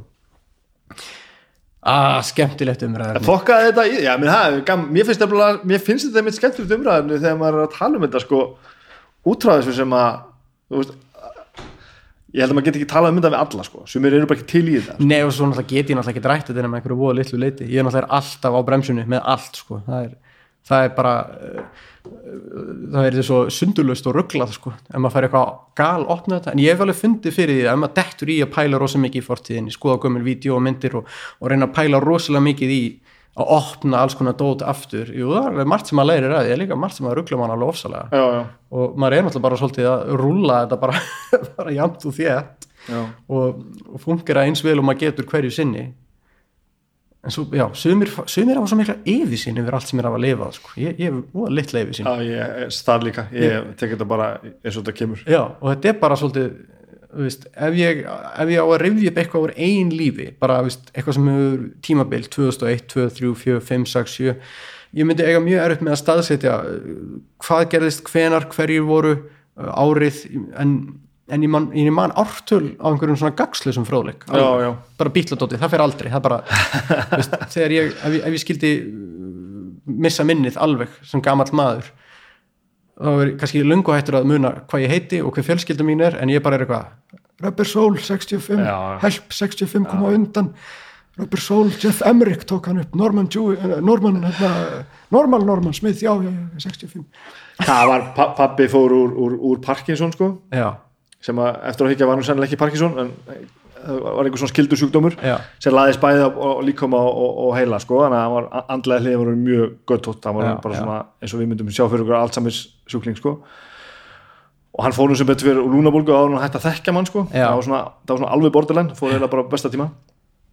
Ég man eftir að sko á, hann var komin að stiga það sem hann sko myndi í hvað hann hefði borðað í hátdeismat hálftíma áður sko og vissi ekkert orðið sko um neitt. Hann átti svona plötskáp sko. Þá gæti hann sagt við mann sko hérna farðu nú hérna og náðu fyndu þetta. plötur hérna, hún er hérna fjórað frá hægri. Já. settu hérna á verk, er verk þetta var allt klassist sko. Númer tvö á bjellið og, og svo, svo hann mig hvað það var og og öll, allt, allt, allt praktist var farið sko. en þetta er örgulega bara geimt líka á öðrum stað. Ég, það, ég held að það sé bara málið. sko. þetta er bara, þetta er bara filing system sko. og það var svo lígilegt hvað stundum kom frá manni sem að gata ekkert, það var alveg búinn sko. og þá fyrir maður bara svona, ok kannski er þetta ekki svona heilagt eins og við höldum sko. algjörlega. Og líka eins og hjá bróðum mínum sko, þetta laðist á svona reyfustöðar fyrst og fremst, þannig að hann var haldur og lamaði svo í höndinni. Uh, en persónuleikin var ekkert að breytast. Það var hann heill sem sagt, já, já, alveg bara var bara með Já. sama hugafar en svo náttúrulega eftir því sem hann var veikari þá náttúrulega var hann bara verkjaður og veikari. Já, en sumi náttúrulega sem hafa fengið heilagsli náttúrulega lendi því að vera mikla persónuleika já þú ert að tala um, tala um hérna eldjón Já, já. ég ætla að tala um, tala um, tala um Óla já, nei, það, er, það var allt annað dæmi sko. en það þetta er, þetta er, veit, manns heilin er algjör ágáða sko. já þetta er rosa skyttið sko en sér þetta eitthvað svona, þú veist, er þetta alveg fyrir og eftir þessa, þessa tíma eða? Já, en, en þetta er samt fyrir að dopna svo mikið því að sko þegar maður eignast börn sjálfur þú veist, þá uh, enduræsist svo margt og allt í einu er það orðið normal ástandið og ég og þessi börn og þessa stelpur, ég og þær og, og þetta þú veist, kannski gerðist það þegar þeir dóu að það komi tímabila sem ég hugsaði já, fyrir og eftir. Og fyrir var the golden years. Fyrir var gullöldin, bara þetta var í gangi, svona var heimi á pappa, mamma og da da da da da. Og svo allt í einu fattar maður uh, núna er the golden years í gangi. Já, já, og allt í einu er hitt orðið svona, þú veist, við bræðurnir kultiverum með okkur svona grín nostalgíu um hvað allt var miklu betur í gamla daga á ásvallagutunni pappa og mamma mátti ekki skipta um eldhúsið þá eru búin að eyðileggja eldhúsið. Samt var það ógeðslegt Já. og lélegt með það sem er núna. Þið eyðilögðuð gamla góða eldhúsið. Og Kjötborg, kaupmarinn á hotninu allt betra á Kjötborg. Aldrei kaupa hjá bónus, bara Kjötborg miklu betra. En helvít er þetta merkilegt að lagið Wasted Years ég var að fara að segja uh, ég hérna með Iron Maiden lag sem ég hlustaði á miljónu sinni sem krakki uh, ég hlustaði á það aftur um daginn. Já. gott ef ekki bara eftir uh, Iron Maiden þáttinn sem að þið segið 20 sinni í þættunum að sé mjög langur en er sennilega töluvert stittur en þetta spjall. Já, ég er bara að vera ég sé búin að tala í þrjá tíma næstu því. Um, sá, uh, það, sáteksti er rosalur so understand. Hvað segir hann svo? You're wasting understand. No wasting time always searching for those wasted years face up, make your stand and realize you're living in the golden years. Ég bara, já, þetta er Adrian Smith að semja einhvers konar núvutundar texta í metal poplægi 1986, lönguðar en þetta fór í einhver ofsa tísku sko. en þetta er eiginlega bara nákvæmlega sem ég oft, oft þarf ég að taka með taki að hugsa bara rosalega getur þú pælt mikið í fortíðinni og einhverju random gömlu dóti þegar þú ert í alvörunni að upplifa gullöld sko. Lítil, lítil börn heima hjá þér og bara allt í gangi sko. Það, ég er samanlega þessu með, með, sko, með badneignum sko. ég var ekkert vissum ég myndi eignast börn ég er, er ekki svona einhver default badnakall en þegar maður eignast þau og alveg sama hversu þreyttu maður er orðin en maður stígur eitt skett tilbaka og horfur á það sem maður er að gera það er bara, já, maður er forritaður til að gera þetta sko. Það er eitthvað sem að það er eitthvað sem, sem gerist þarna. Þokkalega en ég, meni, ég hefði alveg komist í lífið á að segja börn sko. ég hefði bara drukkið fleiri bjóra það hefði bara fínt. Þú veist. Já, en einhvern veginn bara, já, áður en ég átti börn og hugsaði bara, já, ég er ekki svona góð sem að börn ég kann ekki þetta börn. Og um leið og átt börn og bara, "Mm, þetta hefur alltaf verið svona. Erstu góður í þessu? já, ég held sér fín, já, og Linda er alveg frábær mamma og, en, jú, ég ströggla alveg við margt, ég, ég get orðið rosalega svona uh, orku lítill og, og oft er ég líka bara að glíma svo mikið við bara eigin aðtiklisbrest að ef það er mikið verið að öskra pabbi, pabbi, þá detti ég út og verð zombie og fyrir síman bara það sem allir er að upplifa held ég svolítið okkar kynnslóð og þessi tapaða bara átt að eiga bat sem er að byggja um að fá að fara í símaðin og þú ert að segja nei, það er svo óholt og svo ertu sjálfur í er bara eins og, já já, fimm mínútur þú mátt fara í fimm mínútur, en skila hann svo aftur og svo býður maður bara kannski í hálftíma. Já, það er þögn. Nú er ekkert er verið að kappa í manni en ég var að semja við djöfulinn þarna. Það er svolítið, sko. Þetta er svona svolítið eins og í gamla daga að maður hefði verið að reykja fyrir saman börnin og krakkarnir væri bara áttu síkó já ok, ein, eina vinstón og skilaðu pakkar eftir fimm mínútur. Þetta er óholt, þetta er óholt. Pappi gerir þetta samt mjög mikið og leiður þér að gera það smá. Og gæstlega klikka Ertu að semja núna? Ertu að, þú veist, ertu ennþá núna ertu stand-up-gauri núna sem að er að fara að halda áfram í þessu ástandu öllu saman? Já, en ég eiginlega hætti alveg að semja Já, þegar COVID byrjaði. Og líka bara COVID sem umfyllunarefni jú, ég tók mig til í sumar þegar allt galopnaðist og held nokkra tilhörna og prófaði bara nýtt efni. Rosa mikið að því bara um COVID. Og þetta er erfitt því að mann er einhvern veginn ekki alveg utanum þetta. Þetta er svo stórt og, og ég sem svona observational grínisti mitt kikka meira að reyna að finna einhver falin verðmæti í einhverju sem var fyrir framann okkur allan tíman en enginn kveikti á að væri hægt að gera svona mikið grínað og eiginlega allt uppistand sem að ég reagera rosalega mikið við er þannig að bara svona, ó ég vildi óska mér eða dotti þetta í hug, þetta er briljant þetta var beint fyrir framann okkur allan tíman við erum öll búin að vera að hlæja inn í okkur að þessu ómeðvitað og nú er bara búið að uppgöta þetta. Það er búið að uppgöta þetta og það er bara búið til einhver ótrúlega verðmæti úr þessu. Og þetta er svo gaman þegar þetta tekst. En þegar þú ert að tala um hluti svo COVID þá, þá er erfitt að fatta hvernig get ég komið fólki á óvart með því að taka, fyrir að fyrst að þú kemur engum á óvart með að fara að tala um það, engum. Því þetta er eina sem við tölum um allan daginn, alltaf þetta er bara, við heldum að bankarhunni hefði verið eitthvað sem við vorum með á heilanum sko.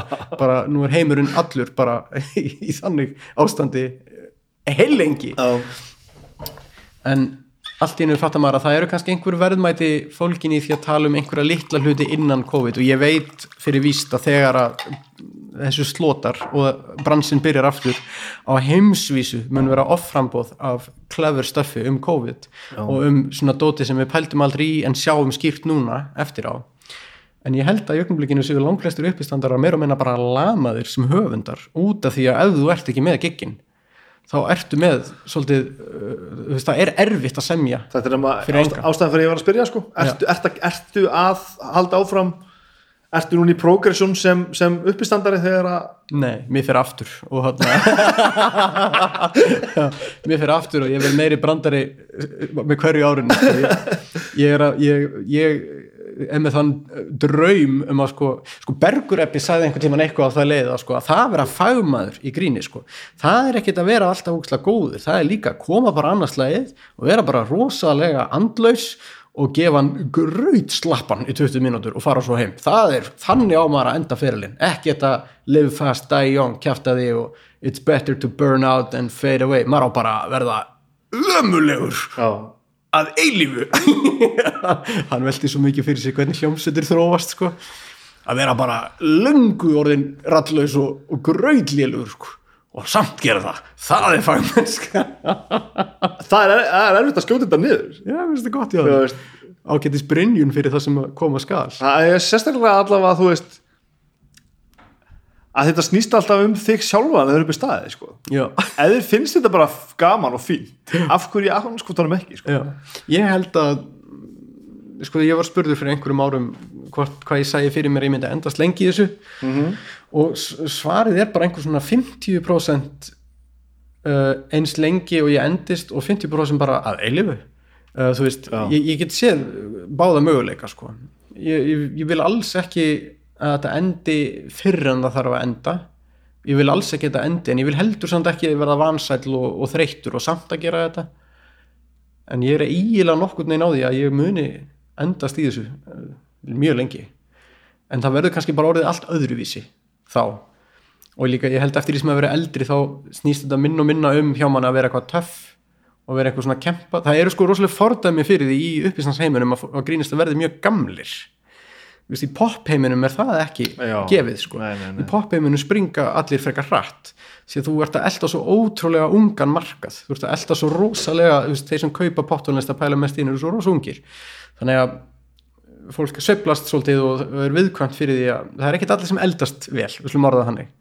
En uppistandara geta verið marga áratugi og verður bara eldri og eldri og eldri og minna og minna kúl samt jafnvel bara fyndnar og fyndnar og fyndnari. George Carlin var hundgamall Já. og alveg sturla góður og hann fór fyrst að vera góður þegar hann var orðin færtugur sko, og var samt frábær en hann fór fyrst að finna sína rödd. Þannig að það gefur mér svolítið góð fyrirheit að vita að það er allt í lagi að verða gamall grínisti, það er Já, það, ekki- það er hárið sko. þá ertu ekki búin að missa eitthvað leini vopnið sem er að vera ungur sko, og ferskur og nýjasta nýtt sko. Nei, og meiri sé að ef maður hugsa, hugsa um það sko, þú meiri sé að vinnur þér inn einhvern rétt til þess að segja hluti sem maður mátt ekki segja annars en svo er líka annað sem er mjög skrítið mín afstæð er ég í mínum huga er rosa mikið litli bróðurinn þannig að ég er mjög vanur því frá því að ég var bara unglingur að tala upp fyrir mig aldrei og eins og að hanga með Úlfi og vinnum hans. Já, já, ég var bara já. mjög vanur því að uh, þetta fólk er fimm ára eldri en ég, sex ára eldri en ég og ég er alveg á grensunni með að vera bara yfir höfuð sko, uh, með aldur til að tala við þau, ég er það mikið badd við hliðina á þeim. Og þá fyrir maður að tala öðruvísi og, og spila sig eldri maður er. Og það er dýnamík sem ég líður úrslega vel með. Mér finnst það úrslega gaman að vera ungi gaurinn sem er að, reyna að komast upp um deild. og mér finnst það skrítið að vera gamli gaurinn sem á að hafa eitthvað svona profound að segja við einhvern sem er yngri Já, skilji þannig að svona, sumir elska að vera í svona mentor hlutverki og vera svona ég skal segja hvernig þetta er. Um, mér er alltaf þótt að rosalega skrítið en síðan eftir að maður verður foreldri þá allt í hennu bara verður það eðlilegt og allt í hennu skiptir þetta mann engum Nei, en ég held svona að grunnstillingi mín er bara ég er, ég er efnilegur og það getur allt gerst maður og hver veit, hver veit hvað er framöndan maður. Þetta er lífið er spennandi. Ég, En- ég reyna að hanga í því bara. En að einhverju lítur samt að vera, vera að stefna. Ég meina þú veist þú, þú ert alveg búin að gera þessi groundbreaking stöð þú veist, þú ert búin að fara bara í panel þætti á BBC og eitthvað svona. Já, ég hef svona dýft tánni í hérna enska eh, bransan og þú veist, fjandinn hafið að þú komið með aðeins með þetta bræða á tennundar og lítur að, að, veist, að hugsa eitthvað áfram. Þú ert ekki endalist bara, já já ein sýningi viðbót frá mér. Jú, Jú, það er bara þannig. Og þannig er það hjá öllum sem er í þessu í Breitlandi líka þú veist, Já. maður kynst fólkinu sem að fer í panel þættinu og það er mjög mismunandi hvar þau eru stödd í kokkunaröðinni, sumir eru moldríkir og ógislafræðir og selja hundruð þúsundum miða, að þeir eru bara klúpa grínistar og, og fara aldrei yfir það en eru samt alveg jafn gjaldgengir í panel þættina því það er líka enn annar bransi ég hef engan sérstakann áhuga á á paneldótinu sko. ég, bara, ég, ég er bara ekki nógu mikil ske- skellibjalla, ég, ég er ekki nógu svona ekki nú mikið grípa fram í típa já, ég er ekki nógu mikið með rúlur í hárinu ég hef lítið áhuga á slúðri og, Já, svona, já, já. Og, og er svona pínu sama um svona hot takes og, Já, já. og mér er svona, eh, ég, er svona ég er ekki tilbúin að kveða upp dóm um hluti. Ég, ég er svona gaur sem getur alltaf séð svona, já, ég skil alveg okkur einhverju með þessa skoðun og, og ég skil líka okkur þessi með þessa skoðun og, og mér finnst þetta fáránlegt, mér finnst þetta fáránlegt en þú veist, já, já, svona er nú lífi flókið. Ég, bara, ég bara sé of marga möguleika í stöðin oft Já. til að vera bara, já, þetta er bara svona. Þannig að ég fór í Mock the Week og það var algjörlega byluð upplifun, það var Já. svo rosalega eh, skrítin tilfinning því að ég er búin að sjá þáttinn svo oft sjá þetta sett Já, það þess að skýti fyrir mig sko, því ég hef séð þáttinn svo oft. Ég ekki myndið hvernig þið leiðum þetta. Mér leiði alveg stórfyrirlega lappin í settið og sjá bara, já, býtu, þetta er spónaplata borðið, Já, já. Uh, hér er teip uh, hér er fjöltengi fyrir aftan mig. Og þetta er bara nákvæmlega eins og að vera í spurningabombunni þetta er er all legar þetta er ekki alvöru borð. En ég kynntist Dara O'Brien þegar ég fór í Já, hann, hann er stórkostlega náðungi hann er svo frábær og hann er íri já. hann kom til Bretlands og vann sig alveg rosa mikið upp sem bara svona skrýtni írin sko og er bara orðin uh, algjör uh, national treasure í Bretlandi hann er æðislega supportive við svona menni eins og mig já, já. hann er svona, jú, hann er alveg til að uh, gefa þér svona tíma sinn og aðtekli og, og ótrúlega bara kynnist líka svo mikið af fólki þegar maður er búin að fara í gegnum hennan Edinborga pakka og þegar maður fattar sko hvað þetta er ægilega mikið af fólki sem að sömur hitta þá, skilur maður að það er ekkert allir eh, rosa skrafrefnir og það er ekkert allir rosalega skemmtilegir. Þó þessu frábæri grínist já, því þá eru þið bara komnir á eitthvað svona þetta er bara það stórt dæmi hjá þeim. Ég, ég hitt mjög fræga greinista sem voru bara svona mjög þurr á mannin og gefa bara lítið af sig þið bara nennaði ekki. Nei, nei. Þið nennaði ekki, ég einhvern veginn er alltaf að maður á að vera næs við alla og það tók mér smá tíma að vennjast því sko En ég meina, það er líka bara persónulega gerðin sko. Og líka bara stundum álæðið fattar stundum líka bara nennir maður ekkert að tala fólk. En þetta þessi, þessi enski bransi ég ég svona í grunninn sé þetta ekki bara þannig að ég vil búa á Íslandi. Uh, ég vil bara lifa og dafna hér og ná að búa til hluti hér. Mér finnst sem að ég hafi ofsalega mikla resursa, mikið, mikið fólk sem ég þekki og, og mikið feedback og, og rosa stuðning í formi mikill að vinnu. Um, en það sem finn, mér finnst spennandi er að fara út og túra eitthvað aðeins og sína hvað ég get og græða einhvern eh, smá pening á því þannig að ég sé ekki að tapa á því eða greiða með mér alltaf í því. Og, en, en ég verði eiginlega að gera það. Eh, mér finnst pínu, það, það æri mig að gera það ekki sko. ég verði að hafa gefa þessu aðeins en eh, ef ég ætti, ef mér byðist að flytja til London og bara flytja þangað, bara með fjölskyldun og byrja bara nýtt líf þar og reyna bara að fara all in og reyna að verða eins stór og hægtir ég, ég efast um ég myndi hafa það í mér því að ég raun og veru vil helst ekki leggja á mikla vinna á mig Er það málið að vinna? Já, ég meina ef ég hefði, hefði þurft að byrja hér með því að eiga ströggl í þrjú, fjögur ár og berjast fyrir að fá gig og fá ekkert borgað eins og þetta er bara í úti ég held ég að ég aldrei aldrei ennst lengur en í nokkur skipti Já, já Eh, og ef ég hefði jafnvel bara átt eitt vond gig, fyrsta gig hefði bara verið skelvilegt ég veit ekki hvort ég hefði reyndið þetta aftur sko. Já. Eh, ég er, ég er, ekki hugrakkur og ég tek engar áhættur en, þarna, en það stundum hittir þetta í mark og þá guð, þetta hefði getað farið í svo margar áttir sko. og mögulega hefði ég bara aldrei getað farið út í þetta hefði ég bara gert eitthvað allt annað Eh, það er eiginlega bara mjög sjálfgeft að ég taki yfir höfuð nokkra ákvörðun sem er afdröfurík ég, ég er svona, ég er eiginlega bara alveg passífur. En þú myndir bara, hætta núna, hvað myndir þú að fara að gera? Eru þér að hætta? ég ekki hugmynd. Það er alveg þannig, þú veist ekkert.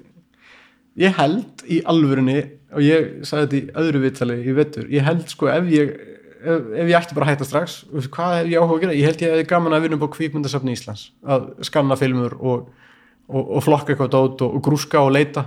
Eða safna til rúf, ég hefði gaman að því. Já. Ef þetta var ekki hægt einhver hluta vegna. Og heldur að þú þyrftir ekki eitthvað átlegt fyrir þetta? Að því meni, þetta lítur að vera aðteglisíkja aðteglisíkja af einhver, einhver, einhver tægi algjörlega, þetta er aðtegli síki uh, í bland við fullkomið áhugaleysi á aðtegli og þetta er sínu þörf með mikill í spjörðæðslu sem er kannski í sjálfinn við það. Kannski er þetta nákvæmlega þetta ástæðan fyrir þetta svona, er, er svona hillandi og vel gert. Það er þetta svona, svona tókast eitthvað á það en þetta er líka, líka eitt ég, ég hef passað mig að reyna ekki að gera hluti sem að ég svona henda mér illa. Eins og í uppýstandi þú getur verið margar tegundir. Það eru til harðir grínistar, það eru til kontroversial grínistar það eru til grínistar sem að keira bara á current events og eh, ekkert að þessu er neitt sérstaklega mikið einhverju styrkleikar hjá mér. Uh, ég, ég er hress ég ég, ég tala hratt ég er með uh, svona afstöðu ég er með pínu eftirhermublæti það er smá músík í mér. Ég veit alveg hvar styrkleikarnir eru og ég reynir bara að búa mig til tækifæris þar sem þeir nýtast. Um, ég held að margir basli við það að finna út hvað þeir geta og hvað ekki og sumir byrja kannski með stage karakter sem henda þeim ekki. Já, sumir til mis elska Bill Burr og ákveða að vera eins og Bill Burr Já, já, en hefðu kannski fundið miklu meira success eh, líkari sjálfum sér í grillveislu. Og einmitt. þetta, þetta tekur maður smá tíma svona að finna út hvað styrkleikarnir eru. En pródúseraru hverðu ert veist, já, svona ómeðvitað. Já, er, ég ætla að segja það er þetta meðvita sem þú ákveður bara að ég ætla aldrei að blóta, þú veist? Ég blóta náttúrulega mjög mikið og hérna, það er eiginlega, finn næra þegar ég tala á ennsku þá er ég squeaky clean, family friendly comedian en ég segi orðið fokk alveg stanslöst, þetta er því að ég er Íslendingur og ég er ekki meðvitaður um hvað það er. Það er rosalega ógæðislega brutal, já. ljótt að segja fokk eins og í Ameríku. Ef þú segir the F-bomb, the F-word það er bara til fullari fólk sem bara fæ bara smá áfall þú segir fuck ég er bara vanur að segja að ég er lítið fucking kæft að ég registrerir þetta ekki sem svona hættulegt orð því þetta er, þetta er ekki íslenska. Mér finnst þetta, mér finnst þetta bara krútlegt orð. Þannig að ég þurft að passa mig að byrja ekki bara að mæta halló, ég er hérna fullkvæmlega ásættanlegur grínstið, ég er enda blót eins og sjóari. Ávart svo reyndar hef ég líka oft notað F-orðið, mjög oft, annars að fatta það og, og það hefur alveg verið látið slæta, ég hef sagt fuck á BBC og hérna það þótti stórmál í gana daga. En ég spurði þá sem sagt hérna, ég, ég segi fuck hérna í þessu bytti, þetta er samt mjög úr karakter, ég veist þetta er ekki illa mynd eða veist, bara, þetta er bara fyndið orð. Og þeir segja, já það er allt til að ég segja fokk ef þú ert ekki að meina Já, ríða. já. ef þú segir það bara sem blótsýri það er í eða lægi og svo er allt lægi að segja mér finnst Boris Johnson vera glæbamaður en það er ekki lægi að segja Boris Johnson er glæbamaður því þá getur BBC fengið málsókn á sig Já. fyrir hérna meiðirði en ef þú segir mér finnst þá er þetta bara svona eitthvað level af flækjum sem ég hef bara aldrei pælt í. Það var svolítið, svolítið svakalegt að fara í Week og fá smá legal brief fyrir það sko. Þú verður að segja þetta og þetta og þetta og þetta og ef þú klúðraði í þættinu þá tökum það bara upp aftur.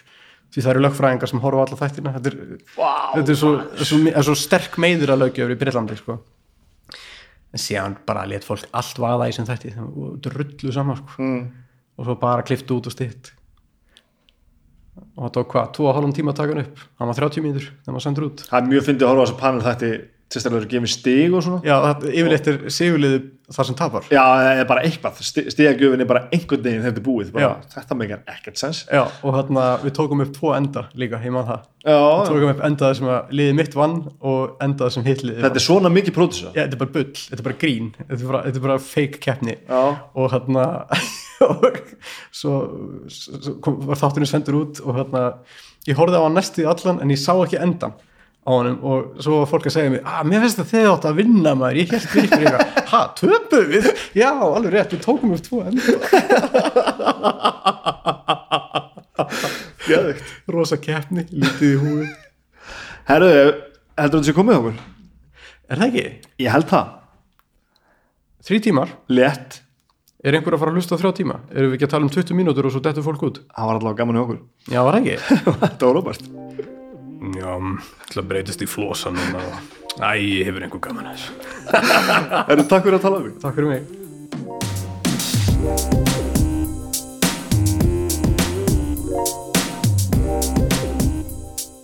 Þetta viðtala hefði nú ekki mátt vera stittra Jöfnveld gott við tala saman. Og hefði ekki talað saman lengi viðbútt Þetta var ógeðslega gaman. Skemmtilegu maður Nari. eh, Ég ætla ekki að lengja mikið í þessu.